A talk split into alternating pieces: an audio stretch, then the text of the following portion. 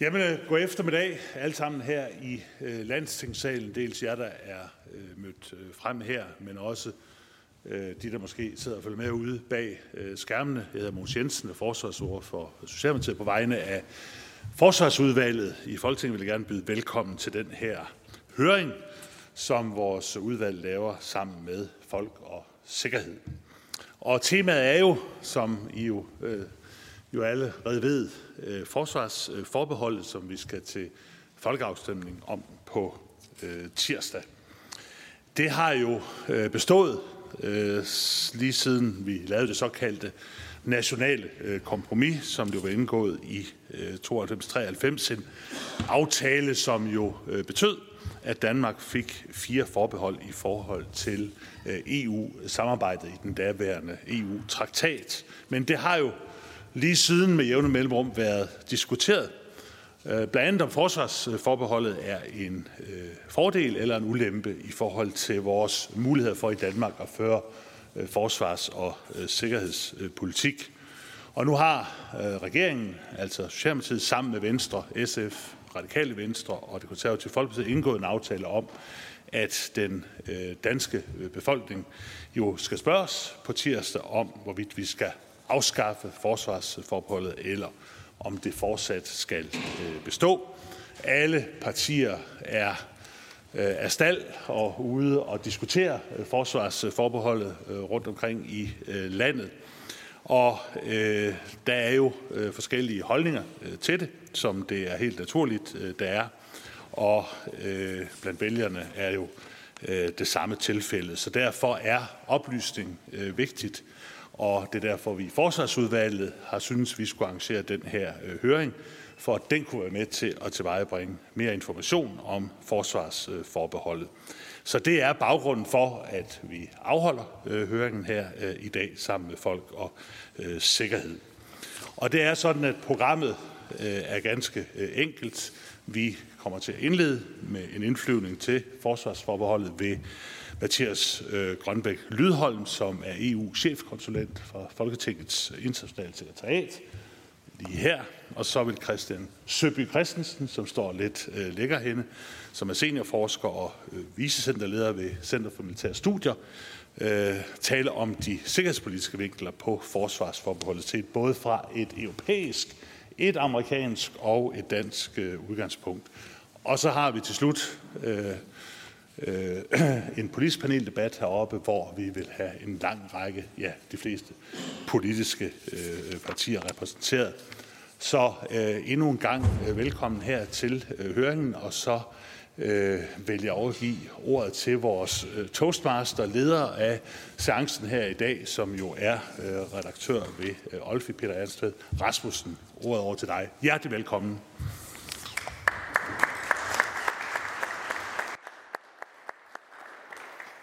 I har fået præsenteret programmet. Et, kort lige, hvem jeg er. Jeg driver et lille forsvars- og sikkerhedspolitisk medie, der hedder Olfi, hvor vi beskæftiger os med det danske forsvar. Og det er klart, vi ser også på EU-forsvarsforbeholdet.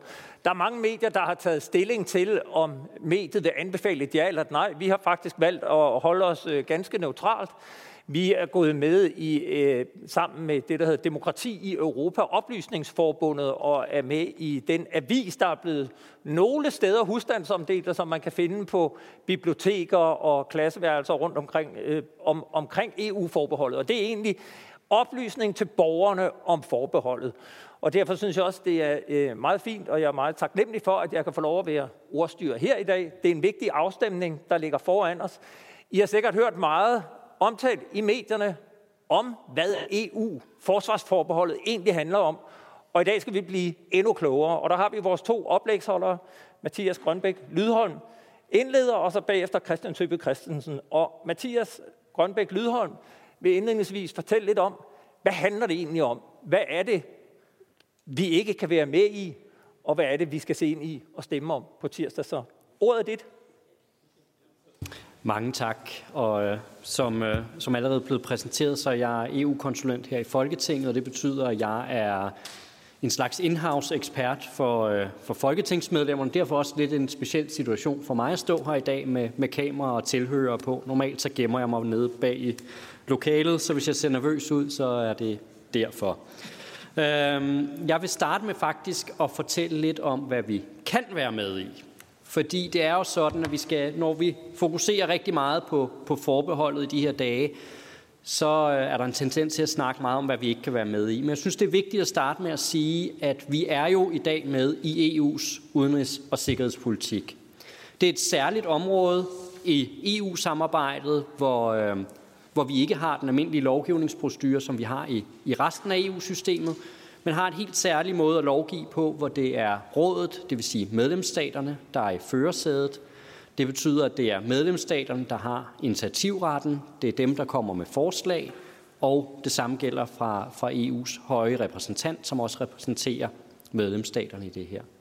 Det er også et område, hvor hovedreglen 99 procent af alle beslutninger træffes med enstemmighed, og det er jo i modsætning til, hvad vi ser på alle andre områder, hvor vi har kvalificeret flertal. Og så et spørgsmål, der dukker op hver eneste gang, man snakker EU, det er, hvilken rolle har EU-domstolen? Og det er meget interessant, fordi på udenrigsområdet, der har EU-domstolen nærmest ingen rolle. Der er to ting, som EU-domstolen har noget at skulle have sagt på. Det ene er sanktioner, som selvfølgelig er super relevante lige i disse dage med krigen i Ukraine. Og den anden ting er noget om institutionernes rolle, sådan en lidt principiel drøftelse om, hvem der lovgiver om hvad, hvor domstolen kan være backstop på det. Så udgangspunktet er altså, at domstolen har ingen rolle på det her område. Udenrigs- og sikkerhedspolitikken er meget bred i EU, øh, og nu har jeg taget civile og militære missioner med som et eksempel på det, men det er kun én arm af rigtig, rigtig mange forskellige dele af EU-samarbejdet. Vi har set sanktioner de seneste måneder. Øh, det er et redskab, der er blevet anvendt rigtig, rigtig meget over de senere år og meget tværgående samarbejde handler om at tænke på tværs øh, over for andre lande og se, hvordan vi kan bruge forskellige instrumenter, handelspolitik, udviklingspolitik, men også noget som transportpolitik og retlige og indre anlægner i forhold til, til migration. Det handler om at tænke på tværs og bruge en række forskellige instrumenter. Og et af de instrumenter er så civile og militære operationer og, og missioner, hvor vi jo så har blandt andet et forbehold. EU's forsvars- og sikkerhedspolitik er så en del af denne her store mængde på udenrigspolitikken. Og den skarpe deltager her i dag vil se, at den her slide er faktisk magen til den slide, jeg havde for to slides siden. Og det skyldes, at der gælder sådan set de samme ting på forsvarspolitikken, som der gælder på udenrigspolitikken. Det gælder, at det er rådet, der er i førersædet. Vi har enstemmighed, og domstolen har her slet ingen rolle ud over det her med institutionernes rolle. Så har man så tænkt, at grunden til, at vi jo på udenrigspolitikken ikke har kvalificeret flertal og sådan noget, det er, at der er ømme tær på udenrigspolitikken. Hvis der er et sted, der er mere ømme tær end udenrigspolitik, så er det forsvarspolitik. Så i tillæg til de begrænsninger, man har på, på udenrigspolitikken, hvor man har sagt enstemmighed, så har man også skrevet ind i traktaterne, at det kan vi ikke ændre på forsvarspolitikken uden en stor traktatændring. Der er også nogle andre mindre safeguards bygget ind, der siger, at hele det her forsvarsområde er et et særligt område. Det står for eksempel eksplicit, at national sikkerhed er en nationalt anlæggende. Så man har prøvet at afgrænse den fælles forsvarspolitik til dybest set at handle om noget uden for, for øh, vores grænser, og noget, der handler om forsvarsindustrielt samarbejde. Og det er netop det, jeg vil sige lidt om om lidt. Først forsvarsforbeholdet. Ja, jeg var ikke så gammel i 92, men jeg kan dog godt huske den morgen, øh, hvor øh, hvor det her blev, blev vedtaget. Jeg gik allerede op i det dengang. Men dengang der oprettede man et forsvarsforbehold. Det er så blevet tilpasset løbende i takt med, at vi har fået ændret vores traktatmæssige rammer. Det vi har i dag er protokol 22 til Lissabon-traktaten, hvor der er en artikel 5, som rummer det danske forsvarsforbehold. Og jeg har taget teksten med her, den vil jeg ikke læse op for jer, den kan I læse hurtigere selv. Men det, som vi konkret har i forsvarsforbeholdet i dag, er, at vi skal foretage en vurdering på baggrund af tre kriterier. Og det afgrænser meget, hvordan, hvad forsvarsforbeholdet helt konkret rammer. For det første gælder forsvarsforbeholdet alene for retsakter. Det skyldes den her formulering over i forbeholdet om, at det handler om foranstaltninger. For det andet er det specifikt på nogle bestemte hjemler. De her fire, de her, den her oplistning igen herover er 26, 42 og 43 til 46 det er kun tiltag med hjemmel i de her artikler, der kan være omfattet af forsvarsforbeholdet. Og den sidste test, som er den, hvor vi eksperter synes, det begynder at blive rigtig sjovt, for det er der, hvor det, vi kan bruge lidt tid, det er, at vi skal vurdere, om det her det har indvirkning på forsvarsområdet. Og det er meget vigtigt med den her test, for der kan være ting rundt omkring, som vi alle sammen tænker, det lyder da, som om det har noget med forsvarssamarbejde at gøre, men som ikke lever op til de her krav. Og derfor er det vigtigt at have den her test, fordi vi skal vurdere de her ting. Og jeg ved ikke, mange af jer har sikkert set i medierne, at øh, Margrethe Vestager den anden dag var ude som kommissær og sige, nu skal vi til at overveje, om vi i lyset af Ukrainekrisen skal lave fælles indkøb af ammunition i Europa, fordi det har vi givet til ukrainerne. Der ved vi ganske enkelt ikke endnu, om det er omfattet af forsvarsforbeholdet eller ej, fordi vi har ikke de konkrete forslag på bordet, der gør, at vi kan lave denne her test. Det, det betyder, det er, at Danmark deltager så ikke i udarbejdelsen, det vil sige, det er forhandlingen og afstemningen. Vi deltager ikke i finansieringen af de her ting, og vi deltager heller ikke i gennemførselen af de her initiativer. Og bare for lige at få en myte af bordet, det betyder ikke, at vi bliver smidt ud af lokalet, når de her ting de vedtages. Vi sidder inde i lokalet, men vi har bare ikke nogen stemmeret. Hvad er det her så i praksis? Øh, og det her mit, mit glansnummer kommer ind, fordi alle de snakker om de militære missioner og operationer. Det er det, vi alle sammen kan forstå. Og det er også en vigtig del af, af det her samarbejde. Men en anden meget, meget vigtig del af samarbejdet er videreudviklingen af medlemsstaternes forsvarskapacitet. det er noget, der er blevet meget vigtigt over de seneste år. Hvis vi starter med det nemme, så er det operationerne og missionerne. Det er det, vi kender, det er det, vi alle sammen har snakket om i valgdebatterne på det seneste. Det er operationer og missioner ude omkring i verden, uden for Europa, og de vedtages med enstemmighed. Altid enstemmighed på de her ting. Og når en mission eller operation så er vedtaget, så bestemmer medlemslandene selv, om de sender styrker ud til de her missioner. Så er der sådan en slags dobbelthed i, at man kan sige, først kan man vælge at sige nej, hvis man alligevel siger ja, selvom man er lidt tvivlende, kan man være med at sende styrker til det. Der er også mulighed for det, der hedder konstruktiv afståelse. Det er en teknikalitet, som jeg ikke vil komme ind i her. Det er kun blevet brugt én gang historisk. Finansieringen af de her ting kan jeg komme tilbage til senere, men der er delt op i fællesudgifter, som er en relativt lille del af udgifterne til missioner og operationer, sådan noget som hovedkvarter, øh, aflønning af den ledende general osv. Øh, og derudover så betaler medlemsstaterne for deres egne soldater. Øh, og det vil sige, det er de medlemsstater, der vælger at deltage i en operation eller mission, der står for hovedparten af udgifterne til den pågældende mission eller operation.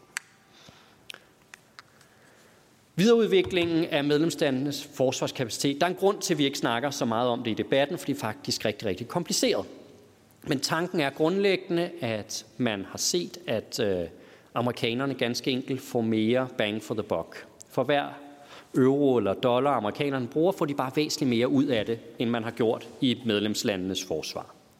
Så i EU har man oprettet en, en slags fødekæde, hvor, øh, hvor man laver medlemslandene indmelder deres øh, forsvars, de deltagende medlemslande, så det er ikke os, og det er, jo, det er alle undtagen os, øh, indmelder til forsvarsagenturet, hvad de har af kapaciteter på forsvarsområdet. I forsvarsagenturet, som er frivilligt at deltage i, laver man en analyse af de her tiltag, og det går så videre i det permanent strukturerede samarbejde, som vi heller ikke er med i, men som alle andre medlemslande, undtagen Malta, er med i, hvor man laver konkrete projekter, så hvis man i Forsvarsagenturet har kortlagt og sagt, der mangler kamphelikopter, eller vi er for dårlige til at træne militærinstruktører, så kan man lave projekter i en gruppe af lande, en gruppe af virksomheder, der kan lave det her. Danmark kan som stat ikke være med i det her samarbejde, men danske virksomheder kan i princippet godt være med i det her samarbejde. Så er der så Forsvarsfonden, som vi er med i, fordi det har ikke hjemmel, det lever ikke op til den her øh, trætrinstest, jeg, jeg præsenterede før hvor man så kan give forskningsstøtte til nogle af de projekter, der lever op, der er særlig vigtige i forhold til at løse de problemer, som Forsvarsagenturet har identificeret. Og det føder så tilbage til, at medlemsstaterne får udviklet deres forsvars, øh, forsvarskapaciteter. Og så kører vi ellers videre i cirklen derudad. Det er noget relativt nyt, det her samarbejde. Det permanent strukturerede samarbejde er kun nogle få år gammelt, så vi har ikke set de endelige resultater af det. Men pointen er at udvikle medlemsstaternes forsvar. EU har ikke selv et forsvar, man udvikler. Hvad koster det her? Det vil jeg så sige som det aller sidste her, inden jeg giver ordet videre. Det er, øh, hvis vi afskaffer det her forsvarsforbehold, så er der nogle, et medlemskontingent, kan man sige, upfront for at være med. Det er cirka 26,6 millioner kroner, eller ville have været det i 2021, hvis vi havde med. Det fordeler sig på sådan noget som de her fællesudgifter til operationerne. Så er der en 200.000 til den militære del af EU's satellitcenter. Og så har ja-partierne i nogle af debatterne i Folketingssalen sagt, at man forventede også at være med i Forsvarsagenturet. Det vil koste ca. 6,4 millioner kroner årligt. Det er sådan den faste medlemskontingentet. De store udgifter ligger så i, hvad vælger man at engagere sig i, og det vil så være deltagelse i operationer og missioner, og det vil være det her permanent strukturerede samarbejde, hvis man vælger at gå ind i udvikling af nogle forsvars- øh, kapaciteter. Og så til slut bare lige sige, at alle de her udgifter vil jo så være en del af, af den her 2% målsætning, som også fremgår af det nationale kompromis. Og det tror jeg ellers var det, øh, jeg vil sige. Og så giver vi straks ordet videre til Christian Søby Christensen, som vil fortælle lidt om, hvor EU står og samarbejde med NATO. Tak for det, Peter, øhm, og tak til Forsvarsudvalget og Folk og Sikkerhed for at arrangere og give mig muligheden for at være her øh, i dag. Jeg vil prøve på at gøre øh, tre ting i mine øh, indledende bemærkninger. Først vil jeg sige, øh, lidt det samme som Mathias, men på en anden måde. Jeg vil snakke lidt om, øh, om, om udviklingen af øh, EU's forsvarspolitik. Øh, Hvor kommer den fra? Øh, så vil jeg sige noget om øh, relationen mellem NATO og EU, hvordan øh, den står mellem de to organisationer i øjeblikket, og hvorfor øh, situationen ser ud, som den gør. Og endelig vil jeg prøve på at pege på nogle perspektiver for den fremtidige udvikling for EU's forsvars- og sikkerhedspolitiske samarbejde. Men hvis vi nu starter med, med begyndelsen øh, og ser på øh, de skridt eller de faser, man kan identificere i, i EU's forsvars- og sikkerhedspolitik, så vil jeg argumentere for, at der er, der er tre, øh, tre grundlæggende faser, eller temposkift, eller hvad man kan kalde det. Og det hele, det hele, det tror jeg er vigtigt at forstå, også når man skal forstå sådan øh, selvforståelsen og logikken i, i den del af, af EU, der har med forsvars- og sikkerhedspolitik at gøre. Det hele, det starter med Balkan hvor, hvor der er mange i Danmark, der har sådan en aldrig mere 9. april, så er der i EU en aldrig mere Balkanlogik. Det handler om at sætte Europa i stand til at kunne håndtere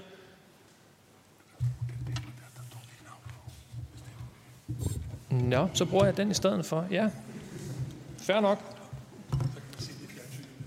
Så kan man også se i fjernsynet, hvem jeg er. Det er jo vigtigt. Nå, at det handler simpelthen om at, at hvad hedder det, sætte øh, Europa og EU i særdeleshed i stand til selv at kunne undgå øh, en, øh, en konflikt ala den, der ramte Europa øh, på Balkan i 90'erne. Og midlet til det, det er at udvikle nogle europæiske reaktionsstyrker, altså udvikle kapaciteten til, øh, at Europa selv er i stand til at kunne sende fredsbevarende eller fredsskabende styrker til en krise- eller konfliktsituation, ala den, man oplevede på Balkan øh, i 90'erne. Et andet eksempel kunne være folkemord i Rwanda. Så det er der, det starter. Det handler om at hvad sådan noget, sørge for, at man kan sikre strukturer, der gør, at medlemslandene kan organisere nogle udrykningsstyrker, som kan sendes afsted. Fokus er altså på reaktionsstyrker. Det kulminerer, kan man sige, udviklingen ind til, på, på det spor kulminerer med, med, med, med det, vi har nu, hvor EU har den, de her såkaldte battle groups øh, på 1.500 mand, som skal være i stand til at rykke hurtigt ud øh, og, og kunne i en, i en eller anden humanitær øh, krise. Jeg vil sige, næste, hvad skal man sige, øh, skridt eller næste fase handler om, øh, også i takt med, at, at EU øh, i, i al almindelighed udvikler sig, handler om at etablere de øh, strukturer, de stabe og de hovedkvarterer, øh, de efterretningskapaciteter, de beslutningsgange og forankringen i, i EU's øh, almindelige system, som er nødvendigt for at kunne lede de her reaktionsstyrker. Og det er i vidt omfang handler også om at koordinere øh, og kunne, kunne hvad hedder sådan noget, låne kapaciteter fra NATO og stille kapaciteter fra EU til rådighed for NATO, begynde etablerende samarbejde mellem de her to organisationer. Og så Som Mathias var inde på, den sidste fase, som starter omkring 2016, som, hvad hedder det, hvor EU for alvor begynder at interessere sig for koordinering og udvikling af militære kapaciteter. Så, så hvis man tager de her tre faser og lægger dem sammen, først et fokus på øh, hvad hedder det, militære kapaciteter til mindre humanitære kriser, derefter udvikling af de strukturer og stabe, øh, den byråkratiske organisation, der skal til at indsætte de styrker, og så som sidste fase et fokus på øh, hvad hedder det, udvikling og, og, og, øh, af, af militær øh, kapaciteter. Så kan man sige, at i dag der har EU faktisk en rolle på udvikling, på anskaffelse, på organisering og anvendelse af militærmagt. Der er det bare væsentligt at holde sig for øje, når det handler om anvendelse af militærmagt, så er det altså, hvad skal man sige, situationstegn, blødere operationer krisestyringsoperationer i Europas periferi, der i første omgang er omdrejningspunktet for det. Det, der i meget gamle dage hed Petersberg-opgaverne, hvis der er nogen, der er gamle nok til, at de kan huske det. Det samme er ikke helt tilfældet, når det drejer sig omkring udviklingen af militær kapaciteter. Her handler det især om at holde øh, Europa på højde med den generelle militærteknologiske udvikling og prøve på at skabe stordriftsfordele, der er tilstrækkeligt til, at man kan følge med fra europæisk side i den globale militærteknologiske udvikling. Så altså en, en udvidelse af øh, EU's rolle fra missioner til stab til opstilling og udvikling af militære kapaciteter. Nu alle tre ting på én gang. Hvor placerer det så, punkt nummer to, hvor placerer det så EU i relation til NATO? Og der helt overordnet har der været en udvikling igen tilbage fra 90'erne og 2000'erne, hvor der har været en væsentlig grad af konkurrence og overlap i opgaver mellem de to organisationer. Det er ikke tilfældet nu. Nu er relationen i højere grad præget af samarbejde og gensidig afhængighed. Det er der flere grunde til.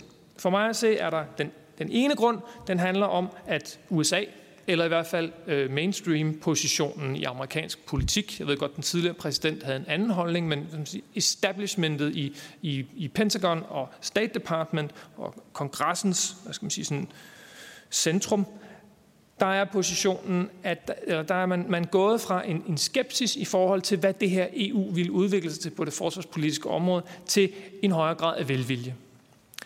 Og det handler øh, for det første omkring om et, et, et skift i amerikansk politik, men det handler også om, det skal være min anden øh, forklaring, det handler også om en udvikling i trusselsbilledet.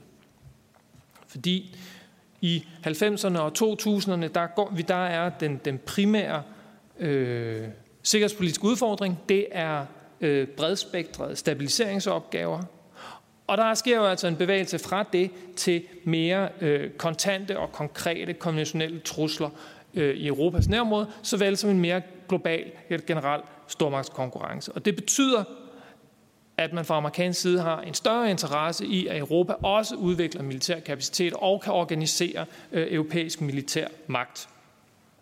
Det er forudsætningen for, at der kan, igen set fra amerikansk side, forudsætningen for, at der kan komme en mere ligelig byrdedeling på tværs af Atlanten. Det er også forudsætningen for, at europæerne kan organisere deres militærmagt med tilstrækkelig effektivitet til, at amerikanerne med god samvittighed kan fokusere mere på Sydøstasien.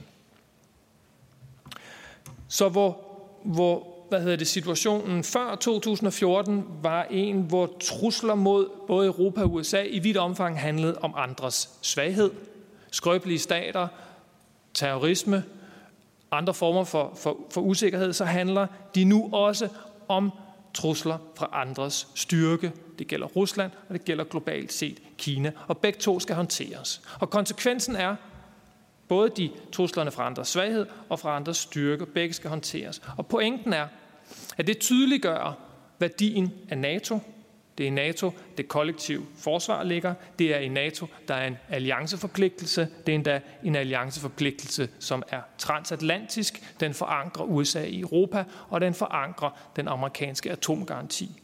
Så dermed så står, står, står, fremstår NATO og NATO's værdi tydeligt. Men det samme sker med EU. Værdien af EU fremstår også i sikkerheds- og forsvarspolitisk perspektiv tydeligere. EU er i besiddelse af mange sikkerhedspolitiske redskaber. EU er i stand til bedre, vil argumentet være, end NATO at håndtere det, der øh, bliver samlet under hybride trusler. Altså cyber, påvirkningskampagner, øh, energisikkerhedsafpresning, hvad det nu måtte være af forskellige former for, for hvad hedder det, politisk funderede trusler, som ikke er konventionelt militære. EU er i stand til, har i hvert fald potentielt redskaberne til at kunne håndtere øh, sikkerhedspolitiske udfordringer i spændingsmellem mellem det civile og det militære. EU kan kombinere et gigantisk budget med lovgivningskompetencer og bredere udenrigspolitiske redskaber med militære redskaber. Det er en øh, tydelig værdi, som også har vist sig i forbindelse med håndteringen af Ukraine-krigen. Så det betyder, at NATO og EU fremstår i højere grad forskellige, med hver sin værdi, men også værdi for hinanden. Der er ingen alliancegaranti i EU. EU og Europa er afhængige af NATO og den amerikanske alliancegaranti der. Men omvendt er NATO også afhængig af de redskaber og de muligheder, der ligger i EU i forhold til at håndtere bredere sikkerhedspolitiske udfordringer. Så altså en mindre amerikansk skepsis til udviklingen i EU og en klarere, tydeligere arbejdsdeling mellem de to organisationer, som gør, som aftegner deres forskellighed, men også aftegner deres gensidige afhængighed. Så hvad betyder det så for den fremtidige udvikling? Mit, først og fremmest skal mit bud være, at, at EU's forsvars- og sikkerhedspolitiske betydning vil stige, der var ikke så meget, der lagde mærke til det, fordi der startede en krig i Europa, men i marts der offentliggjorde EU øh, et, et nyt strategipapir, et såkaldt strategisk kompas, som øh, hvad hedder det, lægger retningen for Europas forsvars- og sikkerhedspolitiske arbejde, hvis de kan blive enige om det vel at værke hen mod 2030. Der står en masse i det dokument, men så meget nyt er der sådan set heller ikke i det. Det, der for mig ser er grundlogikken øh, i det, det er, at der sker mere på alle tre dimensioner. De, de tre øh, hvad hedder det, øh, dimensioner, jeg nævnte tidligere. Man prøver på at være bedre til at lave, øh, bruge militære øh, instrumenter. Man håber på at kunne oprette ikke en, en kampgruppe på 1.500 mand, men en, en styrke på 5.000 mand, som skal være en lille smule mere slagkraftig inden 2030. Man vil fra EU's side gerne være endnu bedre til at kunne planlægge øh, og udføre og styre og håndtere sine egne militære redskaber, altså mere planlægningskapacitet. Og endelig vil man også gerne øh, hvad hedder det, udvide sin indsats i forhold til at kunne øh, understøtte udviklingen af europæisk forsvarsevne og europæisk forsvarsindustri. Den her udvikling tror jeg vil komme i vidt omfang komme til at blive realiseret, fordi at der er et for det første, fordi der er et amerikansk ønske om en øh, arbejdsdeling om et europæisk ansvar, især for de sikkerhedsudfordringer, som knytter sig til Europas periferi. Det vil fra amerikansk side i højere grad blive anset som kontinentets eget ansvar. Og det falder blandt andet på EU. Så vil EU's rolle også stige, fordi at der er en genoprustning i gang i Europa, især i Tyskland. Og den øh, oprustning, den tyske Øh, Øh, genmilitarisering, eller gen, lad os kalde det genoprustning, i stedet for af, af, af de tyske væbnede styrker, vil i vidt omfang blive forankret i EU. Og det vil betyde et øget fokus på Europas forsvarsindustrielle forsyningsbase, især efter Ukraine. Som du nævnte med, med Margrethe Vestager, så skal vi ikke købe nogen ammunition fælles. Når nu vi kunne købe vacciner, kan vi vel også spare nogle penge på ammunition. Så der vil altså være en, en, en øget grad af koordinering og samordning af udviklingen, måske endda også indkøb af, af visse former for militært udstyr. Og så vil der være mere i spændingsfeltet mellem civil og militær. Øh, jeg var i Aarhus til, øh, til TV2 News høring, øh, eller politikerdebat, præcis om det her emne, hvor, hvor forsvarsministeren diskuterede med, med Maj Vilasen om, om øh, EU, om Danmark kunne, bid, kunne deltage i EU's samarbejde omkring cybersikkerhed. Og forsvarsministeren mente, at det kunne vi ikke på grund af forsvarsforbeholdet, og mig vil mente, det kunne vi godt, på grund af for, selvom forsvarsforbeholdet var der. Og pointen var, at det var et af de få tilfælde, jeg har været med til en politisk debat, hvor politikere var u, hvad hedder det, havde det modsatte synspunkt, men i virkeligheden var enige. Fordi vi kan både være med og ikke være med, fordi cyber er et rigtig godt eksempel på et politikområde, som spænder både civilt og militært. Så der er dele af EU-samarbejdet omkring cybersikkerhed, som vi godt kan være med i, og der er dele af det, som vi ikke kan være med i. Der vil komme flere af den slags ting. Det samme vil også komme til at gøre sig gældende i de øh, operationer, som EU vil påtage sig. Der vil være en civil og en militær dimension af dem i vidt omfang. Mange af, meget af den her udvikling øh, i EU øh, omkring, øh, hvad skal man sige, øh, genoprustning af de, af de europæiske forsvar, omkring et større grad af ansvar i forhold til de sikkerhedstrusler, der knytter sig til, til den europæiske periferi, øh, såvel som øh, at forholde sig til, til sikkerhedspolitiske udfordringer i spændingsfeltet mellem og det civile og militære, vil ikke være forsvarsforbeholdsbelagt. Og det tror jeg også er en væsentlig pointe for mig at få slået fast. Der er rigtig meget i EU's sikkerheds- og forsvarspolitiske arbejde, som Danmark deltager i på trods af forbeholdet. Men meget af det vil og det vil ofte være uklart, hvad det er. Og det gør det bøvlet at administrere, især når man skal være færdig med at forhandle, hvordan et givet initiativ skal hjemles i øh, traktaten, før man kan begynde at forholde sig til, om Danmark må give sig selv lov til at øve politisk indflydelse på det. Og jeg tror, det skal være sådan ordene øh, fra min side, men jeg kan jo så lige kort summere op. Øh, udvikling over de sidste 30 år fra at fokusere på at opstille styrker til faktisk at kunne finde ud, hvor man skal indsætte dem, til også at fokusere på den generelle forsvarsindustrielle udvikling i Europa. En høj grad af arbejdsdeling mellem EU og NATO i øjeblikket. Sådan har det ikke altid været. Der har tidligere været konkurrence og overlap og øh, sandsynligvis et, et øget fokus på at videreudvikle europæisk forsvars- og sikkerhedspolitik i et relativt bredt perspektiv øh, i tiden fremover. Tak for det så er der sådan set åben for, at øh, I kan stille spørgsmål. Jeg tillader mig at indlede med, med det første spørgsmål, fordi du beskriver en udvikling øh, omkring forsvarssamarbejdet i EU, som er blevet mere og mere intensiveret. Jeg mener, den første EU-mission var i 2003. Og mange taler jo om, det er jo blandt andet det, debatten handler om nu, at det kan godt være, at vi lige nu øh, har et, et EU-forsvarssamarbejdet er mellemstatsligt, og vi kan bestemme det hele selv, men med den udvikling, der er, der er risikoen for, at det bliver overstatsligt, og der kommer en EU her. Hvor i udviklingen er vi? Og hvis vi kigger på den der EU her, som man taler om, er den et Fata Morgana? Hvad skal den? Hvem er det noget, alle lande skal føde ind til? Eller hvor er vi henne her? Kan man blive mere konkret? Altså for, for mig selv, det handler om, hvad, hvad, man, hvad man mener, en EU her er. Ikke? Men hvis man mener, en EU her, det er sådan en, hvor, hvor hvad hedder det, medlemslandene har afgivet suveræn magt over, hvordan deres militære styrker kan anvendes til en eller anden embedsmand i kommissionen, som så kan sende danske soldater i krig, uden at det danske folketing har noget at skulle have sagt, så er det klart, så er det et fatamorgana. Det, det, det eksisterer ikke. Og hvad hedder det, der er øh, en masse traktatslige som Mathias nævnte, der er en masse traktatslige hvad hedder det, forpligtelser og traktatslige paragrafer, som gør, at det ikke kan lade sig gøre med den hvad skal man sige, setup, der er nu. For mig at se, er det man kan sige, det er jo juraen i det. For mig at se, det, det, det mere vigtige, det er, er politikken omkring det.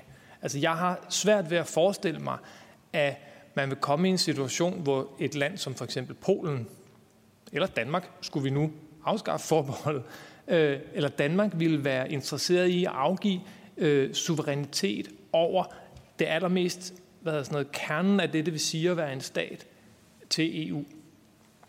Øhm, så, så selvom der nogle gange kan være sådan nogle, nogle vidt løftige øh, franske visioner og planer, så er jeg sikker på, at der er især en del østeuropæiske lande, som vil trykke på, øh, på bremsen øh, hurtigere end Macron kan nå til EU her.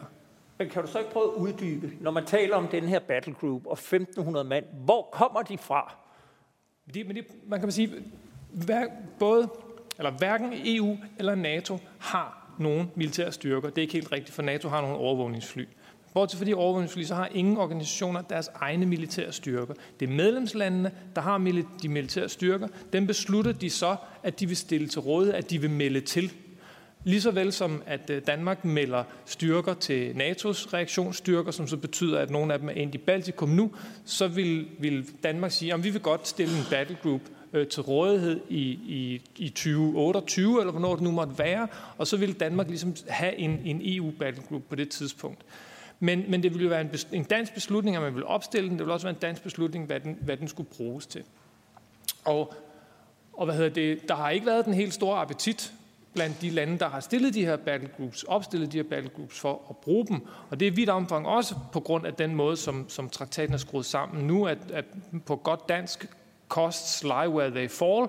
Det betyder, at øh, omkostningerne ender der, hvor de er. Det vil sige, hvis der er omkostninger forbundet med at deployere en, en, en EU-styrke til et, et land i Afrika, så er det det land, som opstiller gruppen. Og det er klart, så falder de økonomiske øh, omkostninger øh, meget på det land, der, der har battlegruppen øh, stående øh, standby på det tidspunkt. Så der er altså, så når man, når man snakker om at, at, at udvikle en ny EU-styrke, så er det altså ikke EU, der har styrken. Så er det medlemslandene, som stiller soldater til rådighed i rammen af EU. Præcis som de kunne stille soldater til rådighed for hvad hedder det, NATO's øverste befaling i rammen af NATO. Hvor de jo heller ikke er, hvad sådan noget, har hånds- og halsret over styrkerne øh, på forhånd, men der skal delegeres et, et, et ansvar.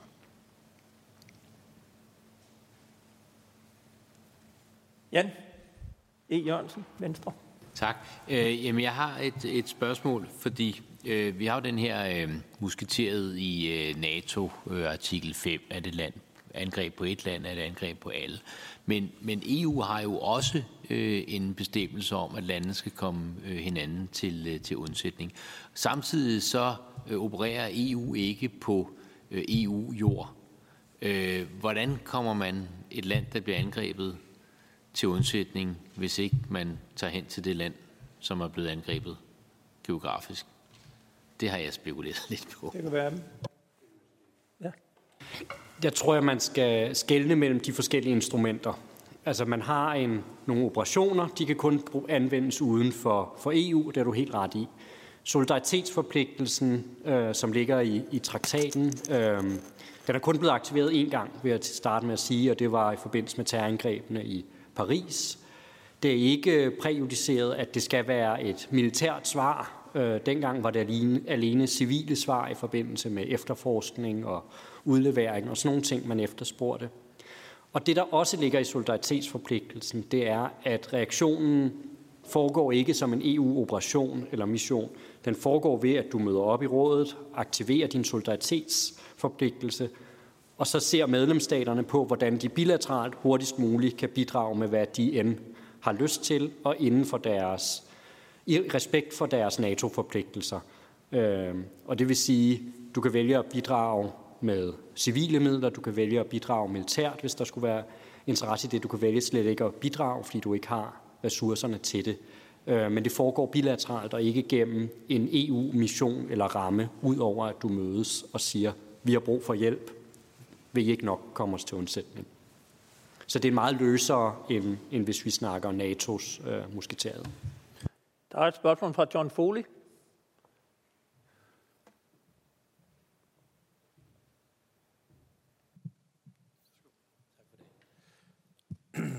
Skulle forsvarsforbeholdet blive afskaffet her i næste uge, øh, betyder det så, at vi øh, og Danmark skal opbygge andre militære kapaciteter, end vi har øh, i dag, og har planlagt i og med det, du nævnte, omkring det, det hårde og det lidt mere bløde, øh, skal vi sige, fokus?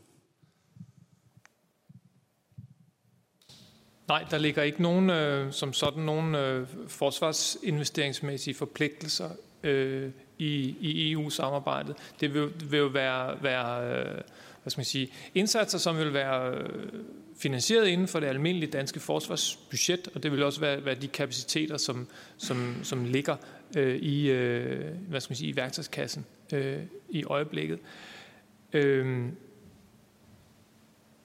en stor del af NATO-samarbejdet handler om NATO's forsvarsplanlægningsproces, altså at man i NATO sidder og finder ud af, hvad er det for nogle kapaciteter medlemslandene har, hvad er det for nogle kapaciteter øh, de burde have, hvordan kan vi sørge for at hvad hedder sådan noget, øh, give landene gode idéer til, hvordan de skal bruge deres forsvarsudgifter. Øh, og der findes i, i EU en, en, par, en parallel eller komplementær proces i forhold til at prøve på at samordne hvad hedder det, EU's medlemslandes øh, militære investeringer. Øh, men, men, men ingen af dem er jo hvad hedder det, øh, juridisk bindende, så det er jo bare, hvad skal man sige, bare i situationstegn politisk aftale, og det er ikke fordi, der er den helt store forskel i forhold til, hvad det er, der bliver prioriteret i, i NATO's forsvarsplanlægningsproces, og hvad det er, der bliver, bliver, bliver set som prioriteterne i, øh, i, i den hvad hedder sådan noget, forsøg på militær koordinering, der ligger i, øh, i EU-samarbejdet. Det var et lidt langt svar. Sorry. Mogens Jensen har et spørgsmål.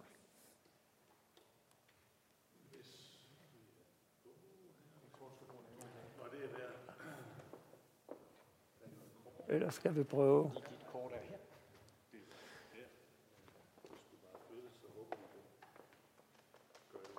Det gør den. Jamen, jeg vil godt uh, lidt videre uh, i sådan det forsvarsindustrielle samarbejde. Det er rigtig nok, uh, som, som du sagde, Mathias, det har ikke fyldt så meget i debatten, og det nok også er fordi, at det er uh, temmelig uh, kompliceret, men ikke desto mindre Øh, øh, så har vi jo dog en lang, lang række virksomheder øh, i, i, i Danmark, som faktisk er dygtige på det her felt og, og kan levere øh, nogle ting, og hvor vi jo selvfølgelig også, når nu der er gang i, at der skal produceres mere, har en interesse i, at, øh, at, øh, at de får glæde og gavn af det, og vi får skabt jobs i Danmark øh, med udgangspunkt i det. Og der vil jeg bare spørge lidt ind til, om der, der der, du kan uddybe lidt det her med, vi er, vi er jo ikke med i, i, i, forsvarsagenturer, som ligesom sidder og definerer behovene for, hvad der skal udvikles af øh, af, af, af nye teologier eller isenkram, eller hvad der skal forskes i, og så har du det her PESCO, som er der, hvor projekterne så bliver ført ud i livet. Og i principielt sagde du, kan danske virksomheder så set godt være med. Men er der, øh, er der i dine øjne, hvad er ulemperne ved ikke at være med i agenturet og ikke være med i, øh, i, i selve PESCO? Hvilken betydning har det for, for, for, for, for danske virksomheder? Øh, det er spørgsmål. Nu er jeg jo politisk neutral, øh, så det er ikke så meget min, øh, min holdning og min vurdering, men, men der, hvor der er en fare, det er, altså, det er ikke så meget forsvarsagenturet, det er en kortlægning, og vi har lige set faktisk tidligere på ugen øh, kom kortlægning, eller sidste uge kom kortlægningen fra forsvarsagenturet for, for i år, om hvilke mangler der var på tværs af medlemsstaterne. Det er ikke så meget der, øh, udfordringen ligger. Udfordringen ligger øh, som jeg har set udtalelser fra, fra danske virksomheder i, at det permanent strukturerede samarbejde, der går et antal medlemslande sammen om at sige, altså nu kan vi sige en drone for eksempel, der har vi jo selv haft erfaringer med at prøve at udvikle sådan noget herhjemme, så går man sammen et par, par medlemslande om at sige, at vi mangler overvågningsdroner. Øh, og så går de her medlemslande ud, og så prøver de at finde nogle virksomheder, der kan forske og udvikle i den her drone og producere den her drone. Og det er jo der, der er en potentiel udfordring i det her, fordi formelt set kan du sagtens gå ud og så være Frankrig, Italien og Portugal og sige, vi vil godt have en dansk virksomhed med i det her projekt. Men det er der, hvor spørgsmålet er, hvor vil, vil der måske være en fransk virksomhed, der kommer foran i køen i det tilfælde. Øhm, det, det er et område, hvor man måske godt kunne se det. Det er hypotetisk, fordi vi ved jo ikke, hvordan verden vil være uden forsvarsforbeholdet. Men det er der, hvor man har set nogle virksomheder protestere lidt over, hvad der, er, hvad der var af udviklingsmuligheder og forretningsmuligheder. Christian? Jamen, jeg kan måske bare lige øh, hvad hedder sådan noget, supplere, at tit i, øh, i de her konsortiedannelser omkring øh, hvad hedder sådan noget, forskning og udvikling af, af ny militær teknologi, så, så hvad hedder det, går virksomhederne selv ind med nogle finansiering. Nogle gange har de også lidt penge med fra deres stat. Og de danske virksomheder kan, når det er et PESCO-projekt, så ikke få penge med fra staten i den her konsortiedannelse. Så det vil sige, at de kan ikke have medgift med fra, fra forsvarsbudgettet. Og det gør alt andet lige danske virksomheder til en, til en lille bit smule mindre attraktiv øh, samarbejdspartner i de her konsortiedannelser, som er så vigtige i, øh, i, øh, i den måde, som øh, EU prøver på at øh, også at, at, at skabe konsolidering på det europæiske forsvarssikkerhedspolitiske, eller undskyld, på det forsvarsindustrielle område. Så er der også en, en, en, en anden ting, at, at den europæiske forsvarsfond øh, kan give en lille ekstra bonus, hvis dit udviklingsprojekt af et PESCO-projekt. Øh, så man kan sige, der, der er de to hvad hedder sådan noget, små øh, finurligheder. Øh, men, men omvendt så viser, øh, så vidt jeg i hvert fald er orienteret, så viser øh, sådan, historien indtil videre, at de danske forsvarsvirksomheder faktisk har været øh, ret gode til at få hvad hedder sådan noget, øh, sig selv fedtet på plads i de her konsortier. Øh, og det betyder, at der faktisk er et, et relativt fornuftigt, det man kalder hjemtag, øh, i forhold til hvor meget øh, det danske finansieringsbidrag af fonden, altså den europæiske forsvarsfond, hvor Danmark jo er med, fordi det er et industrisamarbejde og ikke et forsvarssamarbejde. Øhm, så, så hvad kan, det kan man så sige, ingen ved jo, hvor godt det ville være gået, hvis, øh, hvis den medgift var med til danske virksomheder. Der var et spørgsmål fra Kim. Ja, tak for øh, oplæggene.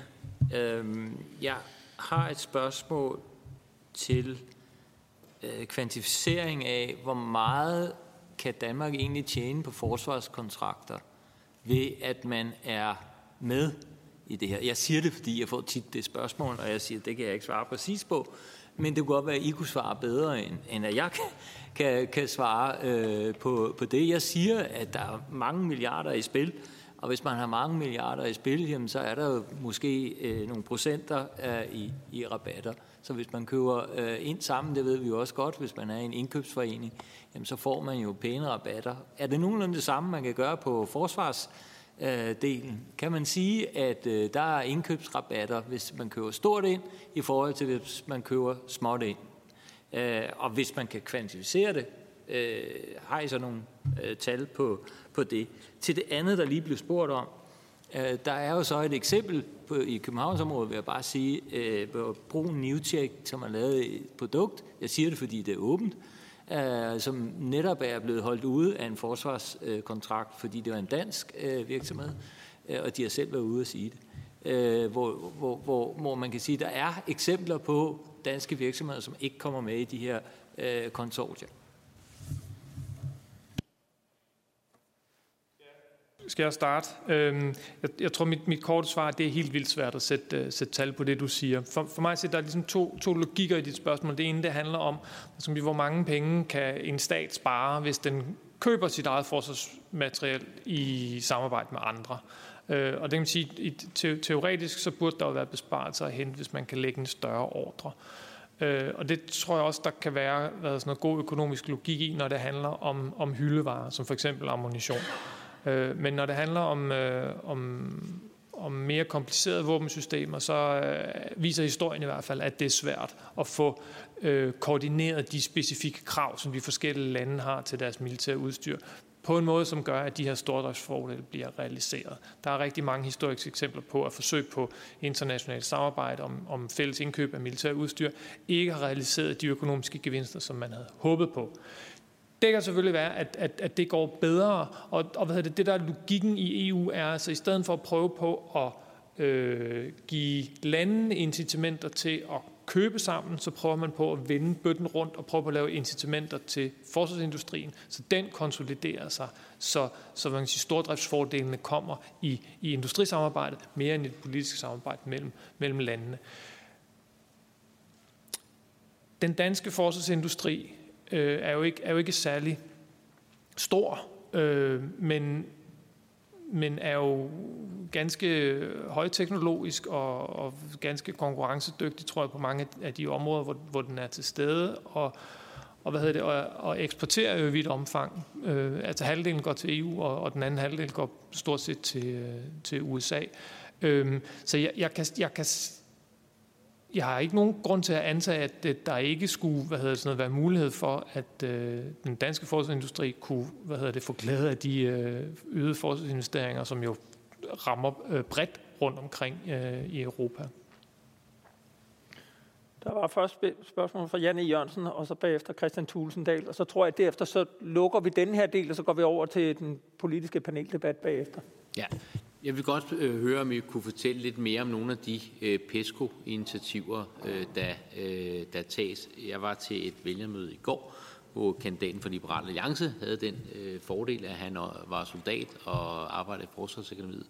Og øh, han fortalte mig, hvad var nyt for mig, at hvis et dansk militærkøretøj eksempelvis skal øh, transporteres øh, gennem øh, Tyskland øh, for at deltage i en øvelse eller andet, øh, så kræver det altså ifølge ham mange, mange, mange, mange, mange mandetimer og udfylde alle mulige øh, formularer osv.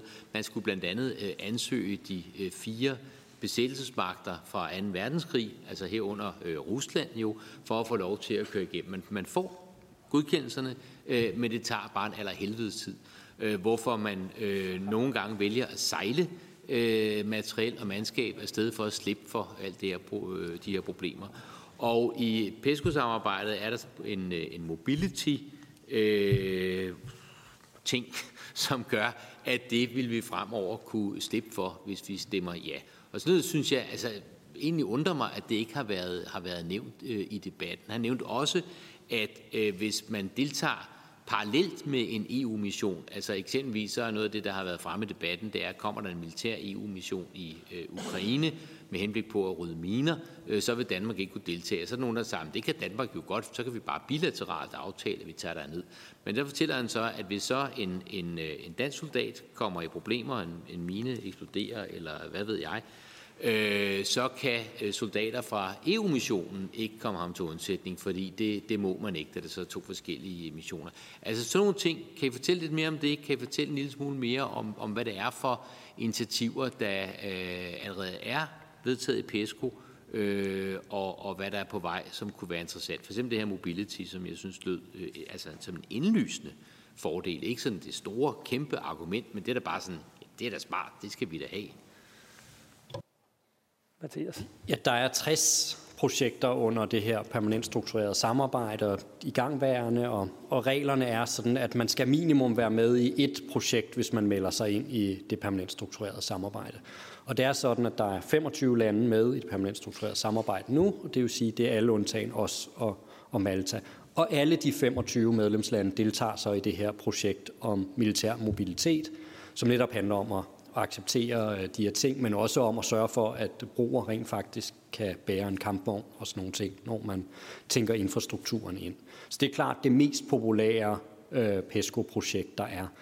Øhm, så vil jeg sige, så går projekterne fra de relativt bløde ting til de meget hårde ting. Altså der er udvikling af kamphelikopter som, som en, som den hårde ende af, af spektret, og så er der de mere bløde, jeg tror selv, jeg nævnte den her en skole i at uddanne militærinstruktører til EU's missioner for eksempel, øh, som noget af det blødere. Men der er også noget af det, der mere er kommet ind i debatten rundt omkring, og Christian nævnte det tidligere på cyber, øh, at der er en række projekter på det, øh, hvor for eksempel nogle af vores baltiske venner har lavet et projekt om en cyberudrykningsstyrke. Hvis et land kommer under cyberangreb, så skal man kunne sende nogen ud, der kan der kan bistå det.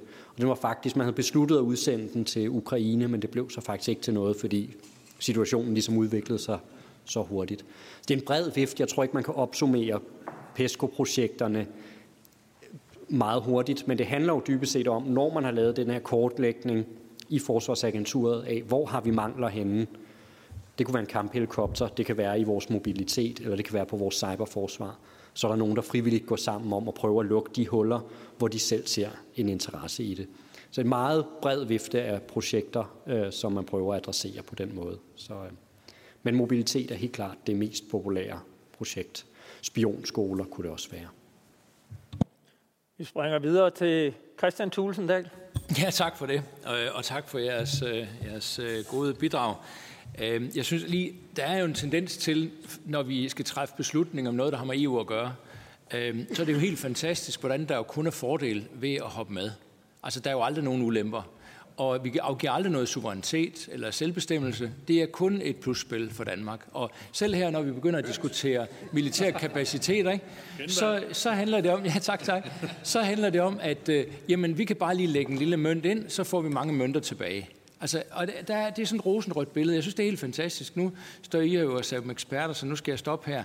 Øhm, fordi, det, men det, jeg nemlig vil spørge om, det er, kunne man ikke forestille sig, når vi taler om de her militære kapaciteter, ser kommissionens for eksempel øh, rapport i sidste uge, at øh, der også er en bagtanke, der handler om, hvor man gerne vil have øh, udbygget militærindustrien, og hvilke virksomheder man gerne vil have, vi lægger ordrene hos. Altså, der har jo været et, der har der været et overlang, en overlang diskussion, for eksempel, hvor Frankrig gerne ville have, at vi skulle købe kampfly i Frankrig og kigge den vej, i stedet for at kigge til USA. men hvor der også ligger noget teknologi samarbejde, der ligger noget i vores efterretningsvirksomhed. Øh, jeg tror, det er velkendt, at afhængig af samarbejdet med amerikanerne, så kommer man dybere i, hvor meget indblik man i virkeligheden har sammen med dem i at få efterretninger, ting og sager i forhold til, hvis ikke man gør sådan nogle ting. Altså, kunne man forestille sig, der også var sådan nogle ting, når kommissionen kommer med en rapport, der siger, at hvis tre EU-lande går sammen om at købe europæisk produceret øh, materiel, så vil de gerne lige, det, det er jo ikke diktat, vi har jo vores selvbestemmelse, men de vil gerne lige øh, diske op med 500 millioner euro i en pulje, som vi så lige kan få en andel i, hvis vi vælger det. Ikke? Og så vil vi sidde næste gang, vi er over i Finansministeriet skal diskutere budgetter, så vil der sidde en eller anden embedsmand og sige, det kunne det måske være en meget god idé, hvis vi lige kiggede lidt den vej, om det var en mulighed for os, fordi så kunne vi lige få et lille bidrag. Og så ville det jo bare være et som spiller, vi er alle glade og i, hvor det går, men altså, kunne vi ikke lige få lidt at vide, om der måske også er nogen, nogen der, i andre lande, der kunne have nogle andre tanker om, hvad det her i virkeligheden i fremtiden skal handle om? Mathias, den er lige til dig. ja, lige til mig, det ved jeg ikke. Æh, altså, øh, du har mig ikke helt forbi i, at det her det handler jo både om, om forsvarspolitik, men også om at udvikle en forsvarsindustriel base. Og der er en interesse i at gøre det. Og noget af det, kommissionen har annonceret, de vil komme med, det er jo en, en momsfritagelse for, for indkøb af, af europæisk militær isenkram. Så der er jo nogle ting rundt omkring her, hvor det også handler om industripolitik. Øhm, jeg skal dog også sige, at når vi får en rapport fra Forsvarsagenturet, som den, du snakker om fra sidste uge, så er den jo fra Forsvarsagenturet, der er kommissionen, det er ikke kommissionens arbejde, det er medlemsstaterne, der samles i, i Forsvarsagenturet. Men, men i den overordnede tanke om at udvikle en forsvarsindustriel base i Europa, den er der jo. Det, det er jo rigtigt. Øhm, og så sidst, så vil man jo ikke være bundet til, hvor man køber sit, øh, sit udstyr henne, men hvis, hvis europæiske produkter pludselig er billigere, skal der ikke udelukke, at der er en embedsmand i Finansministeriet, der vil synes, det var en, en god idé. Jeg ved ikke, om du har mere til det, Christian? Nej, men altså, jeg, jeg er enig, og jeg tror ikke, der er ikke nogen, øh, hvad, det er ikke nogen hemmelighed af en, af en væsentlig del af det arbejde, der, der foregår, hvad skal man sige, spændingsfeltet mellem, mellem, mellem det forsvarspolitiske og det industripolitiske. Det handler om at styrke den europæiske forsvarsindustri, og det handler om at styrke den europæiske forsvarsindustrielle base, og dermed er det også et, et udtryk, det er i hvert fald det argument, man kan høre, også handler om forsyningssikkerhed. Det handler om, altså forsyningssikkerhed handler om olie og gas, men forsyningssikkerhed handler i bredere perspektiv, eller militær perspektiv også om at have en industribase, der er tilstrækkelig til, at du selv kan producere øh, det nødvendige militære udstyr. Og du selv har en, øh, et marked, der er stort nok til, at dine øh, virksomheder kan bære øh, den øh, forskning og udviklings øh, der skal til for at være med. Det er, er i vidt omfang også en del af logikken bag især den, den seneste fase, nemlig øh, EU's fokus på, på industripolitikken. Så jo, det handler også om, øh, om industriinteresser, og det handler om at, og, hvad hedder det, konsolidere øh, de europæiske forsvarsindustrier, så de bliver mere effektive, og så staterne kan få mere ud af de investeringer, som de gør. Øh, så, så der er klart, at der er øh, franske interesser i at styrke den franske øh, forsvarsindustri. Der er tyske interesser i at styrke den tyske, og den konkurrence kører øh, inden for EU. Og der er også en, hvad skal man sige, en, en hvad skal man sige, strategisk interesse fra, fra de, de store europæiske lande, og som jo så også flyder over i, i kommissionen i at sikre, at man har forsvarsindustrier, der er stærke nok til, at de i fremtiden også vil kunne øh, konkurrere med øh, de andre globale spillere. Kina, Rusland øh, og ikke mindst USA. Så det her går også ind i, i, i en bredere diskussion omkring øh, strategisk autonomi øh, i EU, som jo er sådan et, et, et meget betændt fransk begreb, men som, som jo dækker over forsvarsindustriel strategisk autonomi, men jo i vidt omfang også er noget, der spreder sig til andre områder. Ikke? Vi også have, I Danmark kalder vi det forsyningssikkerhed. Ikke? Vi vil gerne øh, hvad hedder det, have vores egen, øh, vores egen øh, hvad hedder det, øh, vaccinefabrik på et tidspunkt. Ikke? Så, så logikken i forhold til, at man gerne vil have øh, på EU-niveau, vil have øh, mulighed for at kunne træffe selvstændige beslutninger og have øh, basis for at kunne gøre det øh, i forhold til at anvende militær magt i forhold til at lave krisestyring i Europas periferi, uden at man nødvendigvis er afhængig af amerikanerne, synes, at det er amerikansk interesse at gribe ind i Balkan, eller hvor det nu måtte være. Have strategisk øh, frihed øh, til selv at kunne producere sin militære udstyr. Men det gælder også i forhold til øh, teknologisk øh, at have en, øh, en øh, hvad hedder det, øh, en, øh, en teknologisk forsyningsbase i Europa, der er tilstrækkeligt til, at man selv producerer øh, hvad hedder det, højteknologiske øh, computersystemer osv., hvor det jo som ikke så meget handler om at være uafhængig af den amerikanske forsvarsindustri, men lige så meget handler om at være uafhængig af den øh, kinesiske øh, højteknologiske industri. Nu skal jeg nok stoppe, Peter. Så nu skal vi lave en lille øh, gymnastisk leg, fordi der er et spørgsmål til. Men mens vi får det, vil jeg bede jer fra Forsvarsudvalget om at komme op og indtage jeres pladser, så kan vi udnytte tiden, mens I rykker op. Og så har Claus Høgh et øh, spørgsmål. Ja, Claus Guldberg, det var sådan ikke en bemærk, eller et spørgsmål, det var egentlig bare en bemærkning, at øh, det man jo også skal være opmærksom på, det er, at øh, Danmark sidder jo med som fuldgyldig medlem i øh, kommissionens programkomité øh, i forbindelse med Forsvarsfonden, og der øh, på baggrund af de input, som øh, vi jo samler op fra dansk side af, fra embedsværkets side, fra industri og fra forskningsverden, der kan fremme øh, vores øh, idéer, interesser og øh, fordele i forbindelse med udarbejdelsen af de arbejdsprogrammer, som øh, kommissionen så til sidst øh, udmyndter i nogle øh, udbud, som de forskellige virksomheder og forskningsinstitutioner kan melde ind på. Så i den forbindelse har vi jo rent faktisk indflydelse på, hvad det er for nogle øh, projekter, der bliver øh, udarbejdet. Claus har siddet i Forsvarsministeriet, nu på vej er kommet ud i det private, men det er for en dyb indsigt. Nu, nu uh, laver vi en uh, forsvarspolitisk debat, og vi er færdige med eksperterne, men I uh, er jo med hernede, så I kan uh, svare på spørgsmål, hvis der er tvivl om, uh, om de faktuelle ting om, om forsvarsforbeholdet. Og vi gør det sådan, at uh, I får hver et par minutter til at uh, komme med en brandtale om, hvorfor vi skal af med forbeholdet, eller hvorfor vi skal bevare det. Og vi starter bare fra en ende af. Christian Thulesendal. Ja, tak for det. Og det var da dejligt at blive introduceret til en 2-minutters brandtale her. Øh, altså jeg vil godt sige, at øh, uanset om vi stemmer ja eller nej øh, her på onsdag, så er det ikke sådan, at vi vågner op torsdag til en øh, fuldstændig forandret øh, virkelighed. Og derfor synes jeg heller ikke, man skal overgøre øh, det her på kort sigt. Altså jeg synes i virkeligheden, altså mit eget standpunkt, når jeg står inde øh, bag forhænget der skal sætte et kryds, er mere baseret på min frygt i virkeligheden for, at Europa og USA kommer til at, at skride fra hinanden. Øh, og jeg ved godt, man bruger rigtig meget krudt lige for tiden på at betrygge os alle sammen i, at det kommer ikke til at ske, og vi har fælles interesser og alt det her.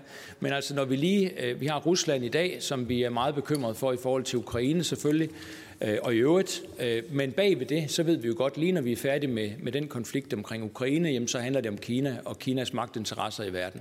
Og jeg kan simpelthen ikke forestille mig, hvordan vi i Europa kan opbygge noget som helst, der i virkeligheden er i stand til at klare den hurdle. Den skal vi klare i et tæt samarbejde med amerikanerne, med britterne, men specielt amerikanerne. Øh, vi ser Biden, han er på rejse i Asien, i, i, i, eller har været det, øh, og gør klart, at Taiwan for eksempel er, er også beskyttet af, af USA. Vi ser lige nu med Ukraine, hvor øh, de våbenforsyninger, der kommer fra USA, er fuldstændig afgørende for, at ukrainerne kan forsvare sig. Og selvom øh, Europa vil gøre nok så meget, så vil, det jo, altså, så vil det jo tage lang tid, men det vil under alle omstændigheder også give næring til dem i Europa, som egentlig gerne vil distancere sig fra USA. Og jeg vil også sige, at den her øh, debat, vi har haft de seneste uger, har jeg hørt adskillige ja-partier, eller ja-politikere, som lige så snart man lige kommer øh, ned under overfladen og kommer til at nævne noget Trump for eksempel, så begynder de også virkelig at fortælle, hvor forfærdeligt det er med USA, og hvis de vælger sådan en præsident igen, og hvad skal det så ikke ende med? Altså så kan man bare høre hele argumentationsrækken for, at Europa skal stå på egne ben og kan klare sig selv og skal kunne distancere sig fra USA osv. osv.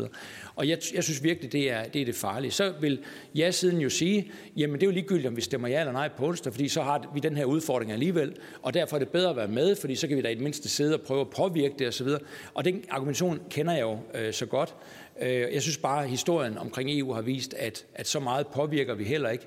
Øh, og derfor når jeg frem til, at det bedste for Danmark, det er at bevare forsvarsforbeholdet øh, og øh, holde fast i, at vi kan tone ren flag i forhold til den her transatlantiske pagt, som, øh, som vi er så afhængige af. Øh, og øh, vi har altid den mulighed for, hvis vi synes, det udvikler sig på en måde, der så er, er gunstig, jamen vi kan, det er jo en suveræn dansk beslutning, om vi på et senere tidspunkt vil fjerne forbeholdet, men vi bør ikke gøre det nu, og slet ikke i lyset af en Ukrainekrig, hvor man forsøger at spille på folks følelser for at få øh, en hurtig afvikling af, af, af forbeholdet. Så derfor, øh, ud fra det, måske ikke den sådan store brandtale, men jeg synes, vi er i et oplyst lokale her, det er der ingen tvivl om, hvor vi kan gøre det lidt mere stille og roligt, end at skulle tale de der taler, vi tager med ud på på folkeskolerne og efterskolerne. Så tak for og tak fordi I lyttede. Vi fortsætter med Mogens Jensen, forsvarsordfører i Socialdemokratiet. Der er jo en grund til, at vi skal til afstemning her på tirsdag, og det er den 24. februar øh, i år, hvor Putin startede en krig i øh, Ukraine, som er helt uacceptabel, og som har skabt en helt ny sikkerhedspolitisk situation øh, i Øh, Europa skabt øh, ny øh, utryghed, som har gjort, at ikke alene Danmark står over for at skal træffe en historisk beslutning, men andre allerede har gjort det. Jeg tænker selvfølgelig på Finland og Sverige, der for få måneder siden ville være utænkeligt, at de skulle blive medlemmer af NATO. Men i lyset af den sikkerhedssituation, vi nu har med den trussel, der kommer fra Putin og som er til stede, har de truffet beslutning om at komme ind i fællesskabet i øh, NATO. Og det er også derfor, at Socialdemokratiet synes, at øh, vi nu skal ophæve forsvarsforbeholdet, for det er det sted, hvor vi kan bidrage øh, yderligere og være med til at styrke øh, det europæiske øh, forsvar og også truslen fra øh, Putin. Der er ingen tvivl om, at NATO, som vi jo har været med, siden, med i siden stiftelsen, er det helt afgørende instrument for os. Det er den store hammer i øh, værktøjskassen, når det kommer til at øh, sikre vores øh, sikkerhed. Øh, men EU's forsvarssamarbejde, som vi er de eneste, der står øh, udenfor, er altså også et værktøj i værktøjskassen, som vi kan bruge øh, til at gå op imod øh, Putin, til at sikre et bedre samarbejde om øh, Europas forsvar og sikkerhed, som både er godt for Danmark, men som også er en solidaritet, vi må udvise med resten af øh, Europa. Øh, og vi har rigtig meget gavn af at være med, øh, også rent egoistisk i Danmark, i nogle af de missioner, som EU laver. For det handler jo blandt andet om terrorbekæmpelse. Det handler om at kunne bekæmpe pirateri. Og det handler om, ja, for eksempel på Balkan, at kunne deltage i missioner, som øh, har betydning for øh, også den samlede europæiske sikkerhed og Danmarks øh, sikkerhed. Og derfor, øh, som det jo øh, er klart her, er jeg slet ikke i tvivl om, at øh, det er utrolig vigtigt, at vi får et øh, ja den øh, 1. juni. Og vi fortsætter med Peter Seier Christensen, forsvarsordfører i Nye Borgerlige. Han skal lige... Ja, øh, ja, vi anbefaler jo i Nye Borgerlige, at man stemmer nej, og vi øh, fastholder vores øh, forbehold. Jeg tror ikke, der er nogen, der er uenige i, at vi har en ny situation efter den 24. februar. Det har bare ikke noget med forsvarsforbeholdet at gøre. Det, man har, det, det vi har set netop i den her situation, er jo, at det er NATO, der er trådt til. USA også, øh, Storbritannien. Øh, vi har også selv ydet et stort stykke arbejde, eller vi yder selv, selv en meget stor indsats. Øh, så derfor så mener vi, nu har man så endelig fået betruffet den her beslutning om, at vi skal op på 2% af vores BNP øh, til øh, forsvarsudgifterne. Der mener vi, skal fokusere 100% på NATO, i stedet for at begynde at, at bygge noget andet op i, øh, i EU-regi. Så skal man være opmærksom på, at vi kan altid afskaffe forsvarsforbeholdet, men hvis vi afskaffer det, så kan vi ikke få det igen. Det er fuldstændig udelukket, at vi gør det. Derfor må der være en helt konkret og meget øh, Øh, direkte grund til, at vi skal gøre det nu. Og det, jeg kan ikke se, hvad grunden er til, at vi skal gøre, træffe den beslutning lige nu. Øh, der er ikke nogen, der ved, hvad øh, forsvarssamarbejdet kommer til at udvikle sig til, så derfor synes jeg, at man skulle afvente og se, hvad det udvikler sig til. Og hvis der på et tidspunkt så viser sig at være en, en tvingende nødvendig grund til, at vi skal afskaffe forbeholdet, så kan man jo, så kan man jo gøre det der. Nu får vi så afstemningen her, men så kan man jo, man vil jo altid kunne, øh, kunne afskaffe det, hvis man, hvis der er en, en fornuftig grund til det. Og som sagt, så har det ikke noget med Ukraine at gøre. Altså, EU har jo intet stillet op i den her situation. EU har EU har øh, reageret økonomisk, altså med sanktioner og så videre, og det er rigtig fint, men militært øh, kan de jo ikke stille noget som helst op i forhold til at forsvare Danmark eller forsvare vores øh, allierede. De må slet ikke arbejde på, på EU-territorie. Så, så jeg synes det der med, at man sætter det i forbindelse med Ukraine er lidt, øh, lidt tvivlsomt. Nu er der så også øh, kommet et argument op om, at vi så EU skal stille med en fredsbevarende styrke, når krigen på et eller andet tidspunkt er slut, men det anser jeg for at være helt udelukket, fordi EU har netop stillet sig 100% på Ukraines side, og tak for det. Det er rigtig godt, men det betyder jo også, at det så vil være uacceptabelt for den anden part, at det skulle indgå som en freds, eller skulle være en fredsbevarende styrke i, i EU-regi. Så øh, jeg mener, at vi skal holde fast i det. Kan vi tage afskaffe det, hvis det på et tidspunkt udvikler sig til at være noget, som øh, der er en grund til, at vi skal gøre. Jeg er bekymret for, hvordan det kommer til at udvikle sig, så jeg mener absolut, at befolkningen bør holde fast i det og stemme nej. Tak. Tak til Peter Sara Christensen, og så har vi Jan E. Jørgensen fra Venstre. Jo tak, og jeg har taget EU-strømperne på i dag, bare for at irritere øh, Christian og, øh, og Peter, fordi i, øh, i Venstre, der kan, vi, der kan vi godt lide EU. Det var faktisk først her for nylig, hvor jeg var til et debat, øh, en debat, hvor Holger K. også var, at det egentlig gik op for mig, hvorfor det lige præcis er de her fire forbehold, vi har vedtaget, hvorfor det lige præcis er dem. Øh, og det burde jeg måske selv at kunne regne mig frem til, men, men øh, det har jeg så altså ikke kunnet. Øh, men det svar, jeg fik fra Holger, det var, jamen det der gør, at vi har en statsdannelse, som det helt centrale i en statsdannelse, det er, at man har sit eget politi, sit eget retsvæsen, sit eget militær og sin egen øh, valuta. Og det, man var bange for øh, dengang, for 30 år siden, øh, det var, at, at EU ligesom ville overtage øh, nogle af de her øh, funktioner. Det har jo været en, en, en frygt, som øh, er gået helt tilbage til 1972, hvor vi meldte os ind. Øh, jeg var på jeg var i Aarhus og besøgte en gammel by, hvilket jeg kan anbefale. De har sådan en gade fra 1976. Man bliver sådan en nostalgisk stemt, når man ser øh, ting fra den gang og så videre. Og der kommer man også ind på sådan et gammelt øh, øh, kollektiv, sådan et venstreorienteret kollektiv, øh, som, øh, altså det er som at høre øh, Christian og, og, og Peter her i dag, når man ser deres argumenter fra den gang. Øh, øh, og det var sådan noget med, hvis vi stemmer ja, så får vi en EF her. Altså det sagde man øh, for 50 år siden.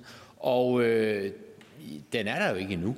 Altså, der er gået 50 år, så godt nok er EU langsom, ikke? Men, men, men det er alligevel imponerende, at man øh, på 50 år end ikke sådan har taget sådan begyndelsen til at lave en, øh, en EU her. Øh, og når Peter siger, at vi ved ikke, hvad det kan udvikle sig til, det, det er jo rigtigt. Altså, det, det er jo rigtigt. Og det ved vi heller ikke om 30 år øh, eller om 50 år. Altså, vi ved aldrig nogensinde, hvad tingene kan udvikle sig. Det ved man ikke. Altså, øh, hvis det er argumentet, så kan vi jo ikke træffe beslutning om noget som helst. Vi ved simpelthen ikke, hvad det kan udvikle sig til. Altså tænk, hvis man har tænkt på samme måde, dem der opfandt computeren og bilen, sådan, de må hellere lade være, vi ved ikke, hvad det kan udvikle sig til. Altså, jeg er ikke så bekymret, eller rettere sagt, det er jeg, men jeg er ikke så bekymret for vores venner i EU. Jeg er altså mere bekymret for Putin, end jeg er for Macron. Bare for at sådan skære det helt ud, øh, ud i pap. Og øh, øh, jeg er sådan set enig i det, som, øh, som du siger, Christian, med, at vi vågner ikke op til en fuldstændig anden virkelighed, hvad enten det bliver ja eller nej. Det er enig i. Altså, som, som det ligger lige nu, øh, der er øh, man jo stadigvæk ikke voldsomt langt med, med samarbejde. Men de ting, man laver, jeg har svært ved at se, at noget af det er dårligt.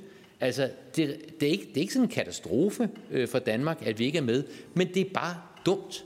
Altså, vi skyder os selv i foden. Vi afskærer os selv fra øh, eksempelvis nogle, nogle missioner, som vi egentlig gerne vil deltage i. Altså, jeg synes at det var grænsen til det pinlige, da øh, NATO-missionen på Balkan blev ændret til at være en EU-mission, og vi så skulle sige, nej, nu kan vi ikke være med mere. Altså, vi kan godt være med, når det er én NATO-stjerne, men 12 EU-stjerner, nej, uh, så kan vi ikke, så må vi sende danske soldater hjem. Det var da flot. Og jeg har da på samme måde, nu tror Peter ikke, der kommer en, en EU-fredsbevarende mission i Ukraine, eller en minerydningsaktion, det tror jeg, der gør. Øh, hvis vi i den situation ikke kan tage med, fordi det er 12 EU-stjerner, vi kunne godt have været med, hvis det var FN og NATO og bilateralt, og hvad ved jeg, der må jeg sige, så, så, så, så, så, så forstår jeg simpelthen ingenting. Jeg forstår ikke, når Dansk Folkeparti kan sidde og stemme ja til at sende soldater til Mali, øh, uden at der er nogle amerikanere i nærheden eller noget som helst, fordi nå, det var jo FN, der spurgte os øh, så kan vi jo godt sende soldater afsted til det, I plejer at kalde håbløse krige i Afrika. Men hvis det er øh, EU, der gør det, så kan man ikke. Altså, det her handler om, at Danmark skal have muligheden for at være med, at vi skal have mere selvbestemmelse, at vi skal have muligheden for at sige ja til at deltage eksempelvis i militære missioner. I dag kan vi kun sige nej. Således oplæggende. Nu har vi en øh, debat, hvor I er meget velkomne til at stille spørgsmål, og jeg forestiller mig, at hvis vi prøver at lave øh, to afdelinger, hvis vi starter med det første, som er vores øh, samarbejdspartner, alliancepartner, EU, NATO, og vi så i den anden halvdel om en 20 minutters tid kigger mere på det rent militære. Altså, hvad betyder det for dansk forsvar? Øh, hvad er det for missioner, vi kan være med i, eller ikke vil være med i?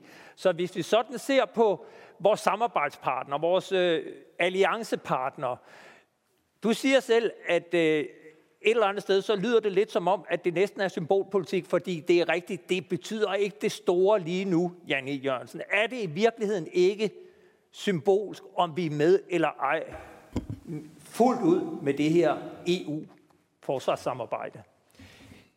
Altså, øh, der er en række Øh, EU-lande, som er med i øh, NATO, og som også er med i øh, EU's forsvarspolitiske samarbejde. Så er der enkelte lande, der kun er med i EU's forsvarssamarbejde, som ikke er med i NATO. To af dem er på vej ind i NATO, Finland, Sverige. Danmark er det eneste land, der ikke deltager. Og det er der i høj grad et symbol. Altså mærkeligt signal at sende til vores partnere. Vi vil ikke være sammen med jer. Vi vil ikke øh, lave fælles forsvarspolitik øh, sammen med jer. Vi mener ikke, at øh, vi kan godt deltage sammen med øh, Senegal og øh, Nepal og alle mulige andre landes øh, øh, militær i øh, FN-missioner, men vi kan ikke deltage øh, sammen med jer, hvis det er EU. Det er der i allerhøjeste grad et mystisk symbol at sende. Og, og der bliver også talt om, at nu skal vi ikke bygge et eller andet op i EU-regi. Det er der, fordi nogle andre har bygget det op. Det eneste, det jo handler om, det er, skal Danmark være med? Skal vi have medindflydelse? Skal vi måske endda kunne sige, altså I burde jo i virkeligheden stemme ja, så I kunne sidde dernede og blokere for hele skidtet, ikke? Øh, altså, altså, skal vi gå ind og have øh, indflydelse på de ting, der sker, og skal vi være med? Altså, det er jo i virkeligheden det andet symbol, som er helt absurd, at Danmark, og så oven i købet i en situation, hvor der er krig på europæisk jord, øh, øh Rusland har invaderet Ukraine. I den situation, der siger vi, det skal vi ikke nyde noget af. Vi holder os for os selv.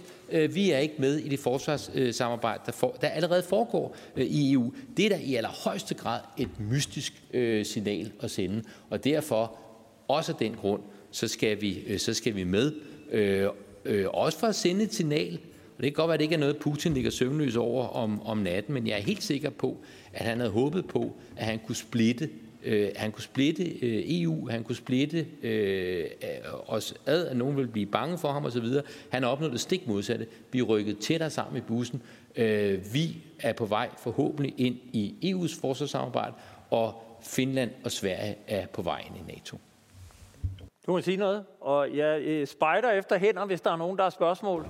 Ja, men nu er det bare fordi, nu har Jan øh, snakket rigtig længe, og to omgange, så bliver det at vise sine EU-sokker, og det bliver mere og mere bekymrende herom. Øh, og, men jeg vil bare sige, jeg synes, øh, Jan, det er super godt, at du har været i den gamle by i Aarhus. Altså, øh, når du øh, ligefrem øh, anerkender, at du egentlig ikke rigtig øh, havde forstået, hvorfor vi har de her forbehold, så er det altså godt, at du både kommer i den gamle by i Aarhus, og også at du snakker med Holger K. Nielsen om fortiden. Fordi så har du grund til lige at blive øh, rusket lidt op. Fordi hvad nu hvis det er så, nu siger du, at det går langsomt i EU, og vi kan være helt rolige, fordi det går langsomt, den der med EU her og EU-styrker og ting, og det går så langsomt, så langsomt. Men hvad nu hvis det går langsomt af den grund, at Euro, eller mange af Europas befolkninger faktisk synes, at det går i en forkert retning? og at det faktisk lykkes at råbe nogle politikere op en gang imellem, og få det til jo ikke at gå i en anden retning, men så bare i det mindste gå langsommere fordi man synes, at det er faktisk, øh, altså det går i den gale retning. Hvad nu hvis forbeholdene ikke bare er udtryk for sådan noget, man skal over til den gamle by Aarhus for at finde, men faktisk udtryk for, at der i den danske befolkning også er en grundlæggende skepsis over for den retning, EU har? Og hvad nu hvis forbeholdene derfor er udtryk for en kontrakt mellem politikere og befolkning? Politikere, der meget gerne vil gå hurtigt videre, men en befolkning så har sagt, okay, men som, som minimum, så har vi så nogle steder, hvor vi har sat bremseklodsen ned. Men I kommer jo, det man oplever som befolkning, nu kan det godt være, at I, I kan få et ja der i næste uge, fordi I gør det i ly af, af krigen i Ukraine, og røgen stiger op, og så kan I sige, der kan I bare se, hvor forfærdeligt det er at spille på folks følelser osv. Ikke? Men, men hvad nu? Jamen det gør man jo. Man siger, det er jo et signal til Putin, vi skal sende. Vi skal jo stemme øh, forsvarsforbeholdet væk, fordi det er vigtigt at sende et signal om, at vi står sammen med de andre i Europa. Så det vil sige, os der så stemmer nej, sender vi så et forkert signal til Putin, eller hvad? Altså, så man bruger den her situation. Det er derfor, vi har folkeafstemningen nu, og ikke om et halvt år eller om et år. Lige før folkeafstemningen blev udskrevet, der sagde vores statsminister, der sagde vores øh, forsvarsminister, at øh, det her, det betød jo ingenting. Udenrigsminister, det betød jo ingenting. Vi kunne alt det, vi gerne vil, også med forsvarsforbeholdet. Lige efter, så er det helt afgørende, at det bliver afskaffet, og det skal være nu. Det kunne lige så godt have været om halvt år, eller om et år, når røgen havde lagt sig i Ukraine. Men I gør det nu, fordi I regner med, at I kan få folks følelser i spil, og så kan I få, dem, få det ja hjem. Men hvad nu hvis det er udtryk for, nu skal jeg nok stoppe, men hvad nu hvis det her det er udtryk for, at befolkningen faktisk er dybt skeptisk over for den her linje? Og hvis man tog en rationel beslutning i befolkningen, så vil man faktisk holde fast i forsvarsforbeholdet. Så risikerer I, at Danmark kommer dybt ind i et øh, militært samarbejde i EU, som ikke har folkelig opbakning. Nå, men det er bare lige et lille... Øh, så lad os øh, også næste gang, Jan, så tager jeg meget, meget gerne med i den gamle by Aarhus. Der er meget, vi skal diskutere om Danmarks øh, historie, jeg, jeg, jeg godt tænke mig at øh, lige stille den videre til Peter, fordi øh, det vi jo har hørt Christian Søby fortælle, det var, at øh, da man begyndte med det her forsvarssamarbejde i EU, så var der meget overlap med NATO, og det var lidt konkurrence, og der var måske lidt modstridende interesser, fordi hvem skulle egentlig løbe med det militære? Nu hører vi, at man faktisk har fundet et leje, hvor det er meget mere samarbejde, og at USA jo faktisk ser positivt på, at Europa begynder at samarbejde rent militært, fordi at USA gerne vil rette fokus mod Asien. Er det ikke vigtigt, at vi er med netop der, når det handler om europæisk sikkerhed, og træder helt ind i det forsvarssamarbejde? Nej, det mener jeg ikke. Og nu, øh, Jan han sagde så, at man øh, aldrig kan træffe en beslutning, fordi man ikke ved, hvad der kommer til at ske. Og det er jo også rigtigt. Men det jeg sagde var, at jeg kunne ikke se nogen tvingende grund til, at vi skulle gøre det netop nu, og derfor kunne man afvente og se, om øh, hvad det ville udvikle sig til. Det, der ligger i øjeblikket, det er så en, øh, hvad hedder, kalder de det, en udrykningsstyrke på 5.000 mand, men jeg tror, at der er andre lande i øh, EU, som har meget større ambitioner her, under specielt Frankrig. Altså Macron har udtalt sig meget positivt om en, en her, der skulle kunne bekæmpe både Rusland, Kina og USA for den sags skyld. Merkel har udtalt det samme, øh, kommissionsformand Juncker har udtalt det samme, så derfor så tror jeg bestemt ikke, at vi er kommet til endevejen i, hvad det her vil udvikle sig til, og det er også det, vi har vores erfaring, når det handler om EU, at det, at det altid vokser sig større og større, så det er derfor, jeg siger, at jeg synes, vi skal holde fast i det nu, og så kan vi hvis øh, NATO bryder sammen, hvilket det sikkert ikke gør. Men hvis der skulle komme en grund på et tidspunkt, så kan vi gøre, så kan vi gøre det der. Vi skal også huske på, hvorfor vi har øh, forsvarsforbeholdet. Det var jo fordi, vi stemte nej til Maastricht i sin tid. Og man så lavede den her aftale med befolkningen for at få dem til at stemme for, at vi alligevel kunne komme med i EU. Øh, så, så der, er en, en, øh, der er en historisk begrundelse for, at vi har det.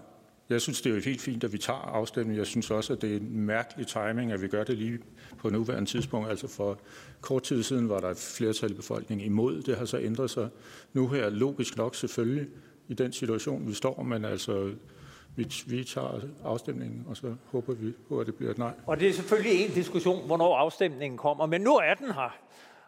Mogens Jensen, jeg kunne godt tænke mig at spørge dig i forhold til det her samarbejde med vores alliancepartner. Hvad vil det betyde for vores samarbejde med vores nære allierede, hvis vi fastholder, at det her europæiske forsvarssamarbejde, det ønsker vi ikke at være en del af?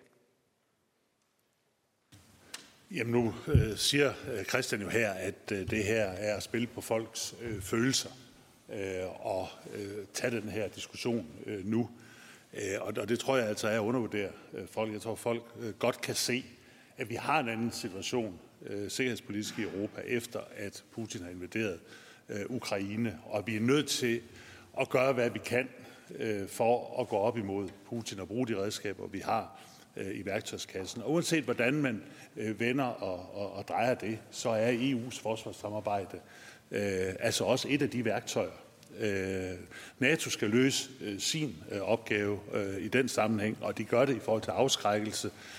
Men EU har også en rolle at spille. Faktisk var det jo sådan, at lige op til, at Putin indledte krigen, der var der jo under planlægning en EU-træningsmission af ukrainske soldater. Den blev så ikke til noget, fordi krigen kom først, men det er jo blandt andet Øh, et, øh, et, en mission, vi ikke kunne have været øh, med i og, og, og bidrage til. Så det gør en forskel, om vi er med eller ej. Og det er da rigtigt, at det er da også at sende et signal. På den måde er det da symbolpolitik. Det er der at sige til Putin, Sverige, Finland rykker ind i NATO, Danmark, som er det eneste land, der står uden for EU's forsvarssamarbejde, rykker ind i det forsvarssamarbejde. Og så rent faktuelt, så er der jo øh, øh, en lang række af de aktiviteter, som laves i EU på det her område, som Danmark har god gavn af at, at deltage i, og som er fuldstændig fornuftige øh, at deltage i. Der kan også være ting, der ikke er fornuftigt at deltage i, og det bestemmer vi så selv fra gang til gang. Og i forhold til vores alliance, partner, som du, øh, som, som, som du spørger om, jamen altså, øh, øh, der er jeg jo enig i den vurdering af, at det er jo ikke noget, der fra den ene dag til den anden øh, ændrer noget, men på det lange sigt kommer det til at ændre noget, hvis vi ikke er med, fordi det er en kendskærning, øh, og det er sagt mange gange, og det begynder også at ske øh, konkret nu, så kommer USA til at trække ressourcer ud af Europa og bruge dem over i det sydkinesiske hav og i Asien, og vi kommer til at løfte en større del af, øh, af, af de opgaver selv. Og det kommer til for en dels vedkommende og skal ske inden for EU-samarbejdet, og der skal Danmark selvfølgelig være med. Der er et spørgsmål fra Torben Ørting Jørgensen, pensioneret kontradmiral. Du får lov at stille spørgsmål lige om lidt, når øh, Janne Jørgensen har kommet med en kommentar. Tak, for jeg bliver bare lige nødt til at kommentere på, på to ting. Det ene, jeg synes det er enig, Peter, der er ikke nogen tvingende grund til, at vi skal øh, ind nu. Det er der ikke. Men igen, hvis vi kun skulle lave politik, når der var en tvingende grund til noget som helst. I foreslår eksempelvis en folkeafstemning, om vi skal ud af EU. Altså undskyld, er der en tvingende grund til det nu? Nej, det kan jeg ikke se. Men I vil det gerne, øh, ligesom vi gerne vil det andet. Altså det må også være lovligt og tilladt at have en diskussion om noget, man bare rigtig gerne vil, selvom der ikke er en tvingende grund til det. Altså hvis vi løber, i ja, DF's og Nye Borgerliges beslutningsforslag igennem, og så kan se alle dem, hvor der ikke er en tvingende grund til, at det skulle gennemføres nu, så tror jeg, at listen bliver meget kort. Og må jeg så ikke bare lige sige noget om følelser, Peter? Undskyld, Christian, fordi Peter har skrevet noget. Øh, han har skrevet følgende. Politik skal ikke videnskabeligt gøres. Der findes ikke noget facit i politik. Kun følelser og holdninger. Begreber som sandt og falsk, godt og ondt har ganske enkelt ikke hjemme i det politiske rum. Sandt og falsk hører til i videnskabens øh, verden, og overskriften den er, politik er først og fremmest følelser. Så det er da helt nyt, at Dansk Folkeparti nu står og klandrer os andre for at tale om følelser og folks bekymringer for, hvad tingene kan udvikle sig til, øh, Putin osv. Jeg synes sådan set, det er fair, at vi også taler lidt om andre følelser end den følelse, man har, når man det, er sulten. Det er jeg sikker på, at vi kan diskutere meget længe, men lad os prøve at holde diskussionen på, øh, på, på, på det, der er... Peter, du får lov at svare lidt. Men prøv at høre, nu, har, nu er der et spørgsmål fra Torben Ørting Jørgensen. Han er formand for Folk og Sikkerhed, som er medarrangør af denne her høring.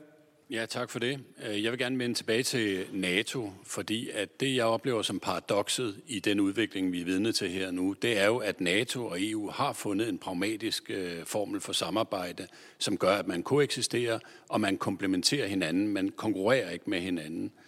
Og når jeg så ser tilbage til, hvad Danmarks position er, så er vi ikke til stede i diskussionerne i EU. Der er vi jo ikke med i øh, forsvarsdimensionen. Og i NATO har vi pålagt os selv ikke at stå i vejen for udviklingen af relationerne mellem EU og, og, og NATO. Hvor øver Danmark indflydelse på udviklingen i NATO og for den sags skyld i EU, på hvor vi bevæger os hen? Fordi som jeg ser det, så, sidder, så stiller vi os totalt udenfor med korslagte arme. Vi kan sætte os ned ved siden af Tyrkiet, som ovenkøbet har mere at skulle have sagt i den her samling, fordi de ikke har nogen forbehold over for at udtale sig om øh, samarbejde mellem NATO og, og EU. Og på det operative område, der Brexit, altså England, som er gået ud af EU, kan deltage i en EU-ledet operation. Det kan Danmark ikke, fordi vores, vores EU-forbehold er så præcist, at det umuligt gør, at vi selv i en konkret situation, hvor vi kan se nogle åbenlyse danske interesser er på spil, der kan vi ikke deltage i det, hvis den er EU-ledet. Vi kan gøre det i, i en NATO-sammenhæng, men vi kan ikke gøre det i EU. De styrkebidrag, vi leverer ind til NATO, reaktionsstyrkebidrag, som NATO kan finde ud af at stille til rådighed for EU, der må vi bare konstatere, at danske enheder, der indgår i dem, de kan trække deres øh, NATO-flag ned og hønse af, hvis det bliver en EU-operation, for der kan vi ikke deltage. Jeg er nået til derhen til, hvor jeg er virkelig leder efter rationalet for at opretholde EU-forbeholdet, fordi jeg synes faktisk, at det stiller os meget, meget dårligere, også i NATO, hvor vi øh, ikke får den samme vægt, når vi diskuterer de ting, som har betydning for vores egen fremtid, og hvor vi ikke får mulighed for at komme med den øh, bremseeffekt eller et eller andet andet, vi måtte have lyst til, alt efter hvordan den politiske direktivgivning er, fordi der har vi besluttet os til at forholde os passivt og lade de andre køre showet. Er tiden ikke kommet til at erkende, at uh, tiden er løbet fra EU-forbeholdet, og vi skal finde andre måder, måske tage en diskussion om generelt medlemskab af EU, frem for at uh, bringe ens frustrationer ud over det her? Den får du, Peter Seier Christensen. Du skal lige trykke på... Det Christian, eller undskyld, Jan sagde, med at øh, man ikke kunne sætte noget til afstemning, når der ikke var en tingene grund til det. Ja, det er jo ikke afstemningen, jeg kritiserer som sådan. Det er jo sådan set bare det, at vi anbefaler, at man skal stemme nej. Og det andet spørgsmål omkring, øh, om forsvarsforbeholdet er forældet, det mener jeg ikke. Vi er i øvrigt til stede i diskussionerne. Vi kan godt deltage i diskussionerne. Vi har ikke stemmeret, det er korrekt. Jeg stiller nu også spørgsmålstegn med, hvor stor en vægt vores stemmer kommer til at, at betyde under alle omstændigheder. Nu ved jeg godt, at ja-partierne siger, at vi tager ned og, og nedlægger veto, øh, hvis, der, hvis, øh, hvis, hvis der er noget, vi ikke er tilfredse med, men det gør de jo ikke. Altså, selvfølgelig gør de ikke det. Vi kan jo nedlægge veto på andre områder.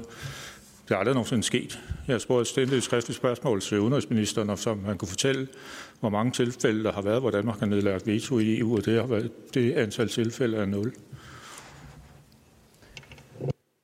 En kommentar fra Christian og en kommentar fra, øh, fra Mogens. Ja, ja øh, det var egentlig for at prøve lige at, at give et svar på, øh, på spørgsmålet, altså om der er noget rationale, og er der ikke nu, altså Danmark sidder øh, altså slet ikke med. Nu fik vi lige gennemgået før af vores gode eksperter her, øh, øh, at vi sidder med, altså vi, vi, øh, vi udøver så ikke stemmeret, og så kan man afhængig af, hvad det, hvad det er for en retsakt efterfølgende en aktion tager udgangspunkt i, så kan vi i givet fald ikke være med. Så, så øh, det, er jo, det hører jo med til, øh, til debatten. Så det der med, at øh, jamen, nu har man jo fundet mellem EU og NATO en, en, øh, en god måde at få det her i, i gænge på. Øh, og så kan vi jo lettet op og sige, jamen, så kan vi jo godt være med til at udvikle en europæisk forsvarsdimension, fordi nu er der jo et samarbejde med NATO. Det er jo super godt, men i og med, at vi jo ikke ved, hvordan tingene udvikler sig. Vi kender jo bare, altså historisk, vi kan tage, altså citatrækken er jo så lang, så lang, fra franske præsidenter, senest Macron, øh, fra tyske Merkel tidligere, nu er der så en ny, der lige skal finde sine ben i Tyskland, øh, von der Leyen, øh, de ledende politikere i Europaparlamentet, EU-kommissionen. Altså rækken af de udtalelser, der kommer derfra om, hvad det her også handler om i forhold også til USA, øh, er jo skræmmende, hvis man går ind for det transatlantiske øh, samarbejde. Så det er jo dejligt at sige, jamen lige nu er der en eller anden øh, pause i, i øh, stridighederne, og man prøver at finde en eller anden løsning. Det håber jeg da også, man gør på sigt. Og uanset om det bliver ja eller nej, på, på øh, altså i næste uge, så håber jeg, at man finder øh, ud af at... Og, det siger du men, faktisk, at man styrker samarbejdet med USA ved at stå uden for forsvarssamarbejdet? Nej, jeg siger bare, når jeg står inde bag gardinet, hvad er det ikke på onsdag, vi skal stemme? Jo. Og du sagde på tirsdag, jamen jeg blev helt fortvivlet, men jeg mente, det var på onsdag, jeg skulle ind bag forhæng. Men altså, når jeg står derinde bag, så skal jeg tage stilling til, om jeg synes, det her det trækker i den rigtige retning. Og, og jeg har jo sagt, at det jeg siden måske kan stille op som det bedste argument, det er, at hvis, hvis, vi, har en, hvis vi frygter, at EU er i gang med noget voldsomt forfærdeligt, kedeligt på længere sigt, kan vi så komme ind og ødelægge det for dem? Altså kan vi gå ind og komme med vores veto hele tiden? Men det vil Danmark jo aldrig gøre, for sådan er vi jo ikke, når vi er der så sidder vi jo konstruktivt og er med, og vi stiller også styrke til rådighed. Sådan er vi jo af natur, så skal vi jo deltage og vise som et ansvarlig, en ansvarlig alliancepartner. Sådan er Danmark, så vi kommer jo ikke ind for at ødelægge det. Og jeg skal jo tage stilling til ind bag forhænget, om jeg grundlæggende frygter, at det her det kan udvikle sig. Så de der franske ønsker, der jo i realiteten er der, de tyske ønsker, Europaparlamentets ønsker, kommissionens ønsker, der ønsker at distancere Europa fra USA, der ønsker at gøre Europa til en selvstændig øh, større magt i verden, en større spiller. I, og det, hvis man er federalist i Europa, så kan jeg godt forstå, at man ønsker det. Men hvis man er dansk EU-skeptiker, så ønsker man det jo ikke. Øh, og det er, grundlæggende er det der, hvor min frygt på den sådan store klinge er. Så kan vi have en diskussion. Jeg synes, det er super godt, at vi går ned i detaljen og finder ud af, øh, Danmarks særskilt har hvilke interesser kan vi så spille i forhold til de andre europæiske lande. Men bare lige husk på én ting, jeg skal nok gøre det godt. Men altså, Nord Stream 2, øh, har for, er åbenbaret jo for mange danskere, hvordan tyskerne har gjort sig fuldstændig afhængige af russisk gas. Det er jo ikke bare Nord Stream 2 eller Nord Stream 1. Det er jo en lang række gasledninger, som de har etableret fra Rusland til Tyskland, til den tyske industri, specielt i Sydtyskland. De har stået med champagneglas, de tyske politikere, sammen med de russiske politikere, og glædet sig hver eneste gang en ny gasledning er åbent. Og det er også sket efter 2014, efter Rusland invaderede Krim. Det var først, da amerikanerne de ringede til, til Merkel og sagde, nu er det nok. Så var det, at tyskerne fandt, fandt øh, ud af, at man skulle gå en anden vej. Det var ikke fordi Danmark som nabo, eller EU, vi fik vores EU-partnere til at hjælpe os med at få stanset det der, øh, den der udvikling. Det var fordi amerikanerne sagde, nu er det nok. Så fik man øh, stoppet for Nord Stream 2. Men nu sidder man i saksen med den russiske gas. Men advarslerne har jo været der imens de har skålet champagne i Tyskland. Og det er altså bare for at sige, nu er der al den her glamour, og alt er godt, og vi stemmer ja og er med, og vi får kun indflydelse, og der er ingen negative ting omkring det. Men jeg siger bare lige, hvis vi lige går et skridt længere ned, så er der jo masser af situationer, hvor vi har været øh, frygt, altså hvor vi egentlig har tænkt frygtsomt på den udvikling, Tyskland og Frankrig de har ønsket for, for EU's vedkommende og for deres egen vedkommende, for eksempel i forhold til Rusland. Bare våbenleverancer, også efter 14, fra Frankrig, de var store leverandører af våben til øh, Rusland, også efter annekteringen af, af Krim. Altså alt sådan nogle ting, det ser vi lige bort fra i den her diskussion, for nu skal vi jo have et ja hjem til det der forsvarssamarbejde, ikke? Nå, skal nok stoppe. Sæt mig ned. Måns? Nej, det ser øh, man øh, ikke bort fra. Jo, vigtig oplysning. Det er onsdag. Det er onsdag. Det er onsdag den 1. juni. Der stemmer, jeg kan jo se, at jeg sagde to gange i min velkomst, at det er tirsdag. Gå ikke ned og stem tirsdag. Øh, for jeg kan ikke brevstemme tirsdag. Stem onsdag. Øh, og så det øh, med, nu sagde Christian det igen, jamen vi ved jo ikke, hvordan tingene øh, kan udvikle sig. Øh, øh, og, og det er jo ganske rigtigt, det, det gør man ikke. Og vi ved heller ikke, hvordan tingene kan udvikle sig i NATO.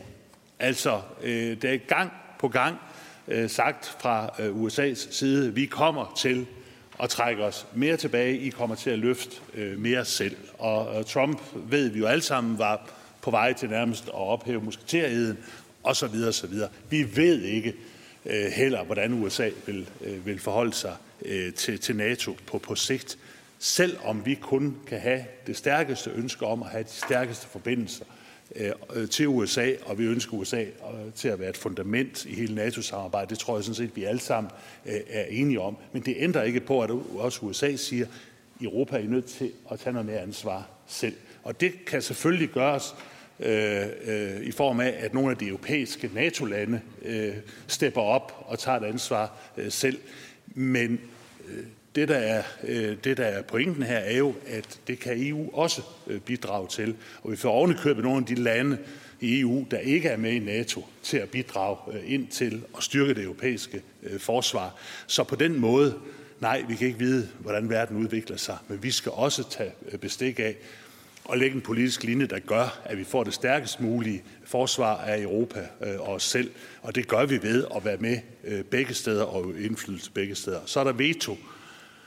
Altså igen, den måde, der træffes beslutning på omkring at sende missioner ud, øh, for så vidt både i EU og NATO, øh, det er jo, at vi sidder med øh, i EU-sammenhæng øh, ved bordet, og når der så bliver drøftet en mission, kan man jo give sin mening øh, til kende, og man kan jo også selvfølgelig sige, det synes vi ikke er en god idé, øh, det nedlægger vi veto imod, og så kan der ikke sendes en mission afsted, fordi der skal være øh, enstemmighed. Der er også muligheden, hvor man siger, jamen det er fint, vi synes sådan set det er udmærket, at EU sender en mission afsted på det her øh, område, det har vi ikke noget imod, men vi kommer ikke til at sende soldater afsted. Det er jo en fuldstændig suveræn afgørelse for Danmark selv, både i forhold til, om vi vil decideret blokere for en mission, eller at vi, øh, at vi øh, sender soldater øh, med. Det er et fantastisk springbræt til at springe over og tale om det militære, og hvilke missioner vi egentlig har, hvor skal vi være med, og hvor vil vi ikke være med. Jeg kan til de sagsløse oplyse, at EU aktuelt har omkring 3.180 soldater udstationeret eller udsendt i missioner. Vi har en EU-mission i Bosnien-Herzegovina, og så har vi altså en i Middelhavet, som handler om at øh, håndhæve en embargo mod Libyen. Så har vi EU-soldater i, øh, øh, med i den her antipiraterimission ud for Somalias kyst. Vi har EU-soldater i Mali. Vi har EU-soldater i den centralafrikanske republik, og vi har den seneste mission foregår i Mozambique, hvor EU-soldater er med til at træne 11 kompanier fra landets væbnede styrker til kamp mod islamistiske terrorister. Så hvis vi ser på det rent militære, så er der både nogle aktuelle missioner, der kommer nye missioner, men vi har også et dansk forsvar, der i øjeblikket er presset til det yderste på grund af øget beredskab. Vi har soldater i Estland, vi har soldater i Letland, vi har skibe ude at sejle, måtte hive fregatten hjem fra Guinea-bugten for at lade den deltage i, i øh, det øgede beredskab i NATO. Helt konkret, hvad kommer det til at betyde for dansk forsvar, hvis vi stemmer ja til at afskaffe forsvarsforbeholdet? Der kunne jeg måske godt tænke mig at starte ud på fløjen hos øh, Jan E. Jørgensen og sige, hvor skal vi have danske soldater med? Skal vi have soldater med i de igangværende missioner? Er der missioner, du kan se på længere sigt, hvor vi skal med? Og hvad får det ud af betydning for det danske forsvar, som er spændt til bristepunktet i øjeblikket? Ja, øh, det vil jeg godt. Øh, jeg, skal, jeg bliver bare lige nødt til at sige, at nu taler vi Frankrig hele tiden. Altså, Christian, øh, I håbede jo på, at Le Pen blev præsident. Altså, Le Pen ville have Frankrig meldt ud af NATO's militære kommando. Altså, ville have Frankrig meldt ud af NATO's militære kommando. Altså, bare lige for god runds skyld, øh, synes jeg lige, det var vigtigt at få plads. Og så vil jeg også bare kvittere for spørgsmålet fra folk og sikkerhed. Jeg synes ikke, vi fik noget svar. Øh, men jeg synes, det var et fantastisk godt, øh, godt spørgsmål, øh, som nej-sigerne stadigvæk mangler at svare på. Hvad får vi ud af det? Hvilke missioner skal vi deltage i? Altså nu har vi, vi har jo ikke siddet og lavet øh, altså, altså dybe vurderinger med, med øh, papirer fra Udenrigsministeriet, hvad giver mening for Danmark at være med i, og, fordi vi har ikke deltaget i de beslutninger. Så derfor så har vi jo ikke det fulde beslutningsgrundlag. Umiddelbart er der ingen af de missioner, som vi fra venstre side siger, det kan vi overhovedet ikke øh, se os selv i. Dem, hvor vi synes, det giver rigtig god mening, det er øh, eksempelvis øh, piratbekæmpelse. Altså Danmark har en øh, stor øh, handelsflåde, vi er et lille land, men vi er stadig en stor søfartsnation. Det giver rigtig, rigtig god mening, at man ikke har øh, 20 frigatter, der skal i rumpen på hver sit øh, fragtskib, men at man kan nøjes med at sende en frigat afsted, som så kan øh, beskytte alle 20 fragtskibe, og så øh, er, øh, er som led i en, i en EU-mission. Vi synes også meget, at det, der foregår omkring bekæmpelse af øh, nogle af de islamistiske terrorgrupperinger, giver rigtig god mening, fordi det er noget, der kan resultere dels i flygtningestrømmen, som vi jo øh, nødet vil have, og øh, dels i øh, terror også på øh, europæisk jord. Så, øh, så det giver også øh, rigtig god mening. Vi synes også, at håndhævelsen af våbenembargoen mod øh, Libyen øh, giver god mening. Og så som jeg sagde øh, tidligere, så synes vi, det var decideret øh, mystisk, da vi skulle trække os fra den fredsbevarende øh, mission Men øh, i, i, i Bosnien. hvor skal soldaterne komme fra? Jamen, soldaterne kan jo kun komme et sted fra. Det er du fuldstændig ret i. Øh, og derfor så tror jeg heller ikke, at Danmark sådan rent praktisk øh, vil kunne deltage i alle missioner. Og det tror jeg heller ikke, der er nogen forventning om. Altså, vi er så selv et forholdsvis øh, lille land, 6 millioner øh, indbyggere. Så jeg tror ikke, at, at vi sådan rent praktisk kommer til at deltage i alle operationer. Jeg tror heller ikke, vi vil blive, at det vil blive forventet af os, at vi deltager øh, i alle øh, operationer. Øh, men øh, som det også blev sagt tidligere jo, altså de udgifter og det mandskab og så videre, der skal, blive, der skal bruges i EU-missionerne, øh, der er kun dem at tage af. Øh, og derfor er det også, altså det kommer heller ikke til at koste os ekstra penge, fordi de penge, vi har sat af til forsvar, dem har vi sat af til forsvar. Fremover bliver det så bare sådan, at der vil vi kunne deltage i en EU-mission, hvis vi synes, den giver rigtig god mening. Det er vi afskåret fra i dag, men om vi er, øh, i praksis kommer til at gøre det, det øh, kan vi jo ikke øh, vide noget om endnu, fordi det er klart, man kan ikke være mere end øh, et sted på en gang. Det gælder jo også NATO. Altså hvis NATO øh, eksempelvis er voldsomt engageret øh, i Asien, om 5, 10, 15 år i en konflikt, der kommer der, øh, og ikke har ressourcer til at være i Europa, hvis der sker noget fra, fra Ruslands side. I den sammenhæng vil det jo være rigtig godt, at Europa så øh, har, om jeg så må sige, sin egen mulighed for at kunne øh, klare, øh, klare vores egne problemer. Det var også derfor heldigvis, at, øh, at øh, vi er i gang med en oprustning igen. Det havde været dejligt, hvis det ikke havde været nødvendigt, men det er det.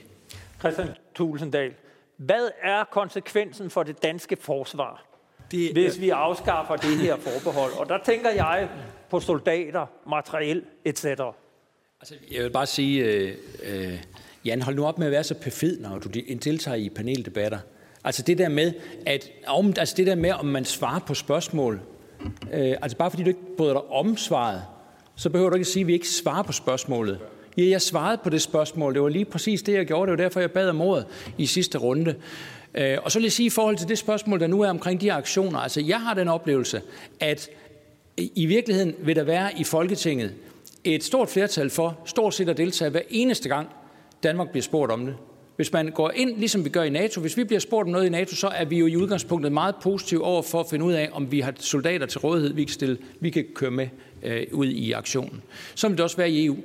Fordi når, når det, det ligger i naturen fra Folketingets side, at når vi er med, så vil vi gerne ses som en seriøs øh, partner, og det betyder, at hvis vi bliver spurgt, om vi kan stille øh, ressourcer til rådighed, så vil vores udgangspunkt være, at jamen, det må vi så se, om vi kan. Sådan vil naturen være. Og derfor vil vi komme til at deltage i en lang række. Det er også det, vi hører Jan sige her, øh, at der vil være Venstres indstilling, det er, at vi skal deltage i, i øh, stort set alle de missioner, der er. Hvis vi var blevet spurgt, om vi skulle deltage, så skulle vi øh, være med.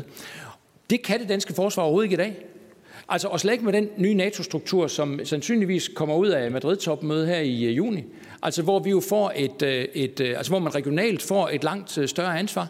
Altså, der er jo en grund til, at vi har 750 mand i Letland lige nu, og faktisk tager en hovedrolle i forhold til at være NATO's flanke op mod Rusland, altså de baltiske lande op mod Rusland.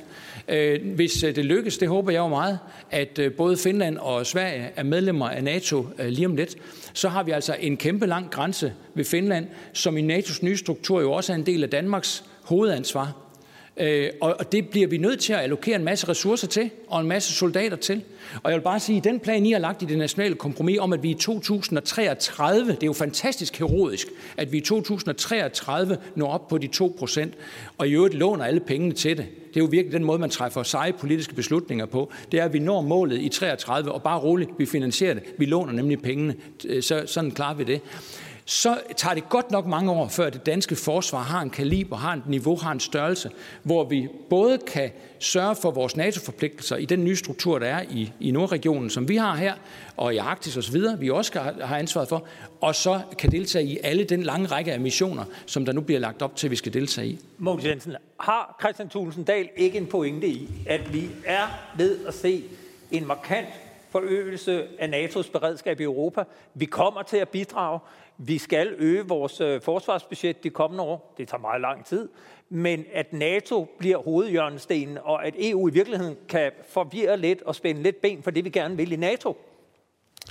Nej, jeg tror ikke øh, på, at, at det er noget, der forvirrer eller spænder ben. Øh, og det har vi jo også øh, drøftet. Der foregår i dag en koordination, øh, og der er en arbejdsdeling mellem NATO og EU. Og EU's øh, forsvarsinitiativer, missioner, fylder jo Øh, økonomisk øh, øh, meget mindre end, end, end, end NATO. Og sådan skal det også være, fordi det er NATO, der er hovedmotoren i det her, og sådan skal det blive ved med at være. Der er jo ikke andet at sige til det her, at nu har vi jo gang i en proces, det havde vi jo i forvejen også før krigen i Ukraine om, og, og skal indrette dansk forsvar for, for fremtiden. Og vi ved jo, der er en masse udfordringer, og at man, på nogle områder er man øh, er man udfordret i det danske forsvar, som det ser ud i dag. Og det er selvfølgelig også derfor, der i, i kølvandet på det her så er givet øh, og bliver givet den her ekstra bevilling, der er jo når det er fuldt indfaset. Nu tror jeg, det er 19,5 milliarder. Det, det er så fuldt indfaset vil betyde, at man hvert år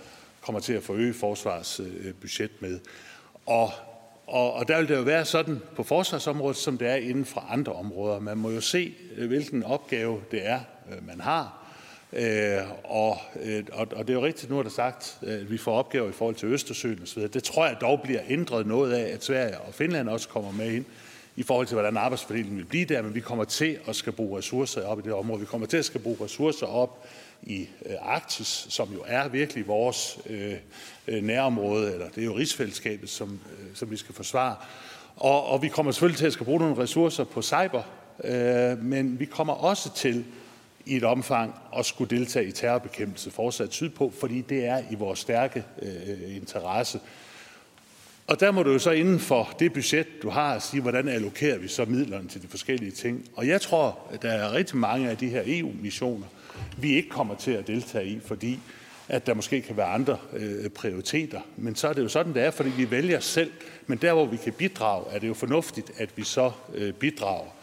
Øh, så, så Øh, jeg har den holdning, at øh, nu har vi det øh, forsvarsbudget, vi, vi, vi, vi får, og det bliver jo altså betydeligt trods alt øh, forøget. Og så må man selvfølgelig, så må dansk forsvar disponere inden for det beløb i forhold til, og politisk må vi disponere og sige, jamen det giver mening for os at være med i de her, de her de ting, og det er det, det, det er must do. Øh, og så bliver budgettet sat sammen på den måde, og det vil betyde, at der er ting, vi ikke kan være med i, og det er heller ikke nødvendigt, fordi vi er med i et fællesskab, hvor alle skal, øh, skal, øh, skal levere ind.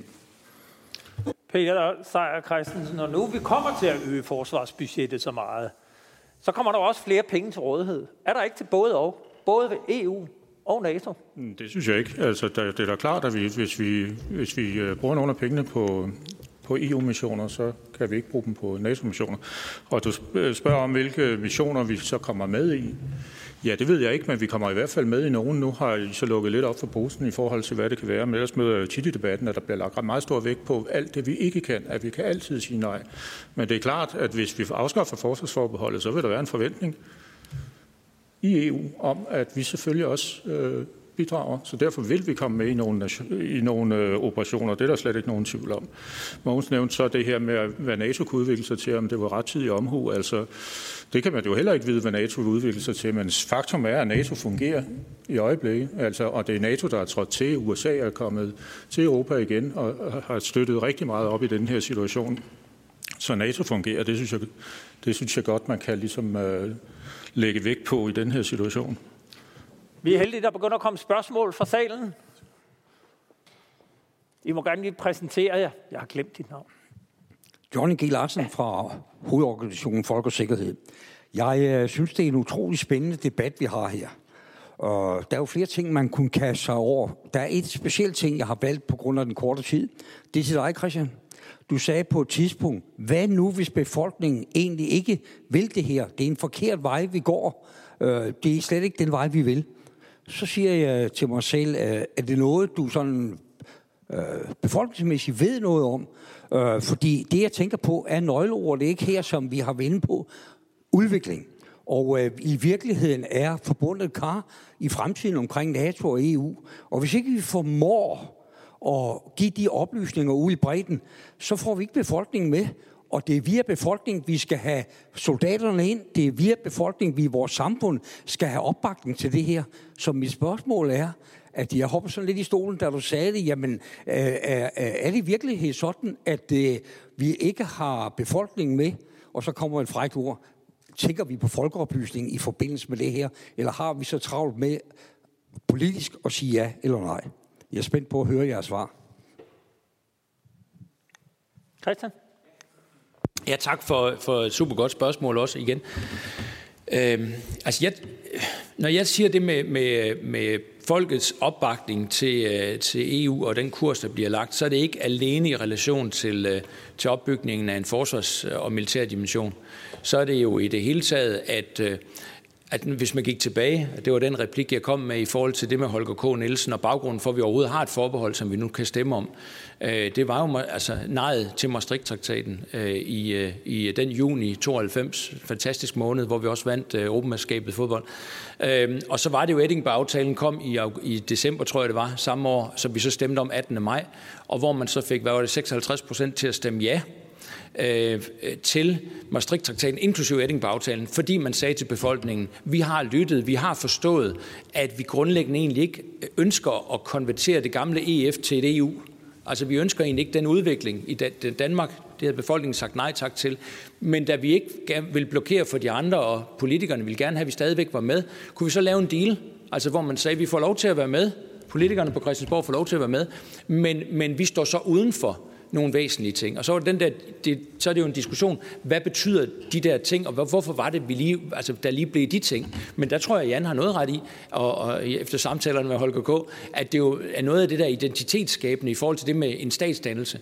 Og så kan vi selvfølgelig diskutere, om, om det vi står for på forsvarsområdet, for at komme frem til det, om det øh, er noget, der, der underbygger EU's øh, måde at kunne tænke som en altså selvstændig identitetsdannelse eller statsdannelse at gøre, eller det er langt fra det.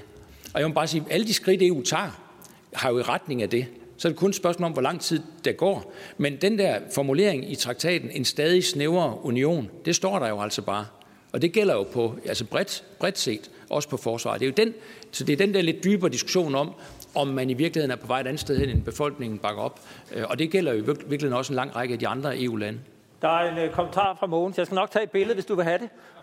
Øh, og så efter det, det, det så... Det skal være selfies. Så, så øh, er det Niels Hartvig Andersen. Jamen, det var bare kort, det var bare kort lige øh, omkring folkeoplysningsdelen, fordi der synes jeg, der er en, en, en pointe her, øh, som også skal tænkes med ind i den proces, der nu er i forhold til, at vi skal lave nyt øh, forsvarsforlig. Det er klart, nu er der meget debat øh, om forsvar øh, herop til, til, til øh, forsvarsforbeholdets afstemning, men jeg mener, vi har behov for i langt højere grad at prøve at inddrage befolkningen øh, i, hvad er det for nogle udfordringer, vi står over for forsvars- sikkerhedspolitisk, ikke kun i forhold til Rusland, men også på andre områder. Fordi nu skal vi til at bruge mange penge, øh, og, og der tror jeg, det er vigtigt, at folk er med på, hvorfor er det, vi skal det, hvad skal pengene øh, bruges til. Så øh, øh, jeg synes jo, at alle gode folkeoplysningsorganisationer, inklusive folk og, og sikkerhed måske med jer i, i, i spidsen, skulle øh, gå sammen om at prøve at lave nogle initiativer, vi kan være med på øh, og, og, og deltage i øh, over den kommende tid, så vi får øh, god og gedin folkeoplysning omkring det her og mere viden øh, i befolkningen om det. det. Det tror jeg, vi alle sammen sådan set er Det er vi mange, der arbejder på. Og Olfi, selvfølgelig ja, også. Ja, selvfølgelig. Jeg hedder altså Christian Reilsen, og er Undskyld, præsident du, for jeg Danske. Solærforeningers Landsråd. Men øh, vi har noget til fælles, Niels. Hartvig og jeg. Hans overskab er bare ikke nær så stort som Nej, mit. prøv det, det, det, Og det så er han formand for Danmarks Veteraner. Jeg jeg går og tænker på, hvad skal- kommer der til at ske i Ukraine, når engang øh, vi er færdige med at slå på hinanden og sådan noget. Øhm, jeg går ud fra, at vi skal have genopbygget øh, Ukraine på en eller anden måde. Det bliver, det bliver nok ikke noget, Rusland gider have noget med, ret meget med at gøre. Jeg tænker på, at vi skal genopbygge Ukraine økonomisk, øh, politisk, militært. Vi skal have ryddet nogle øh, miner dernede. Vi skal have, have nogle vindmøller ind. Vi skal have en masse mørtel derover. Hvilken organisation er egentlig bedst til det, hvis vi har to at vælge imellem? Vil det være NATO, eller vil det være EU? Tak. Ja, nå, okay. det var til Jan. Du får den bagefter, Mogens. Øh, jamen altså, vi håber jo alle sammen på, at øh, krigen øh, slutter, og øh, forløbet ser det jo ud til at gå bedre i hvert fald, end mange havde, øh, havde frygtet til at begynde. Men der kommer jo et genopbygningsarbejde, og der bliver også mulighed for at tjene penge. Altså, der bliver mulighed for at tjene rigtig mange penge for danske virksomheder ved at hjælpe Ukraine øh, på fod. Og altså, altså, vi har vel alle sammen et eller andet håb om, at, at, at Ukraine kommer ud på den anden side øh, i, øh, det kommer til at tage tid, men, men i bedre stand. Og øh, som det ligger nu, er, er Ukraine ikke øh, klar til at møde Københavnskriterierne for at kunne blive optaget som medlem af EU. Men det er vel noget, vi tænker, jeg har en ambition om og håber på kan ske inden for en, øh, inden for en overrække. Øh, og, og, og netop den, altså den samtænkning øh, af de forskellige opgaver, du, du taler om, nemlig det er jo både en økonomisk øh, opbygning, det er også en politisk, øh, vi skal hjælpe dem med. De har stadig en række problemer med korruption osv., og, og sådan den militære.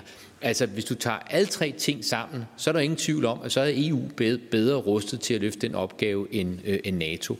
Og det vil slet ikke være noget, NATO vil, vil engagere sig øh, i, så det vil efter al sandsynlighed blive en, øh, en EU-opgave. Og der kombinationen, at man kan øh, have øh, hele paletten med, øh, vil da øh, klart være en, øh, en fordel. Og så, Christian, det var altså ikke for at være, være, være perfid. Det har nok bare været mig, der ikke forstod øh, svaret, øh, som, øh, som, som du gav før.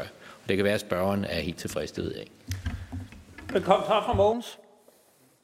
Øh, jamen, nej, jeg, jeg er så enig i det, Jan siger, og det, jeg synes, der er bemærkelsesværdigt, er, at Ukraine jo allerede nu siger, altså vi venter ikke på, at krigen øh, øh, får sin afslutning, før vi vil i gang med at genopbygge de dele af Ukraine, hvor der er øh, fred og fordragelighed. Så det er jo noget, der kommer til at, øh, og, øh, og, øh, og, og gå hurtigt øh, med at få, få de ting sat i gang, og helt enig i, at øh, EU med sin struktur jo er, øh, er, er klart den bedste struktur til at, at bidrage til det.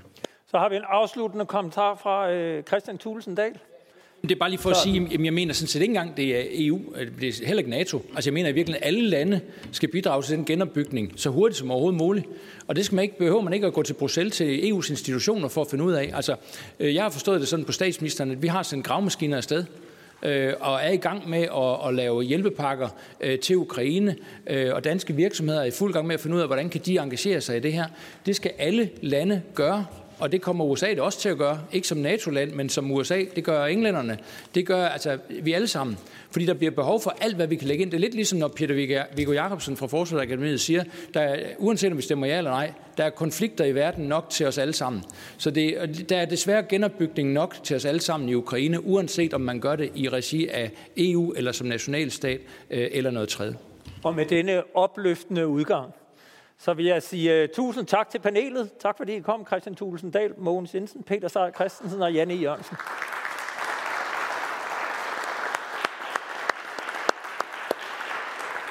Og tak fordi uh, I kom på vegne af Folk og Sikkerhed, så jeg håber, alle går ned i stemmeboksen på onsdag.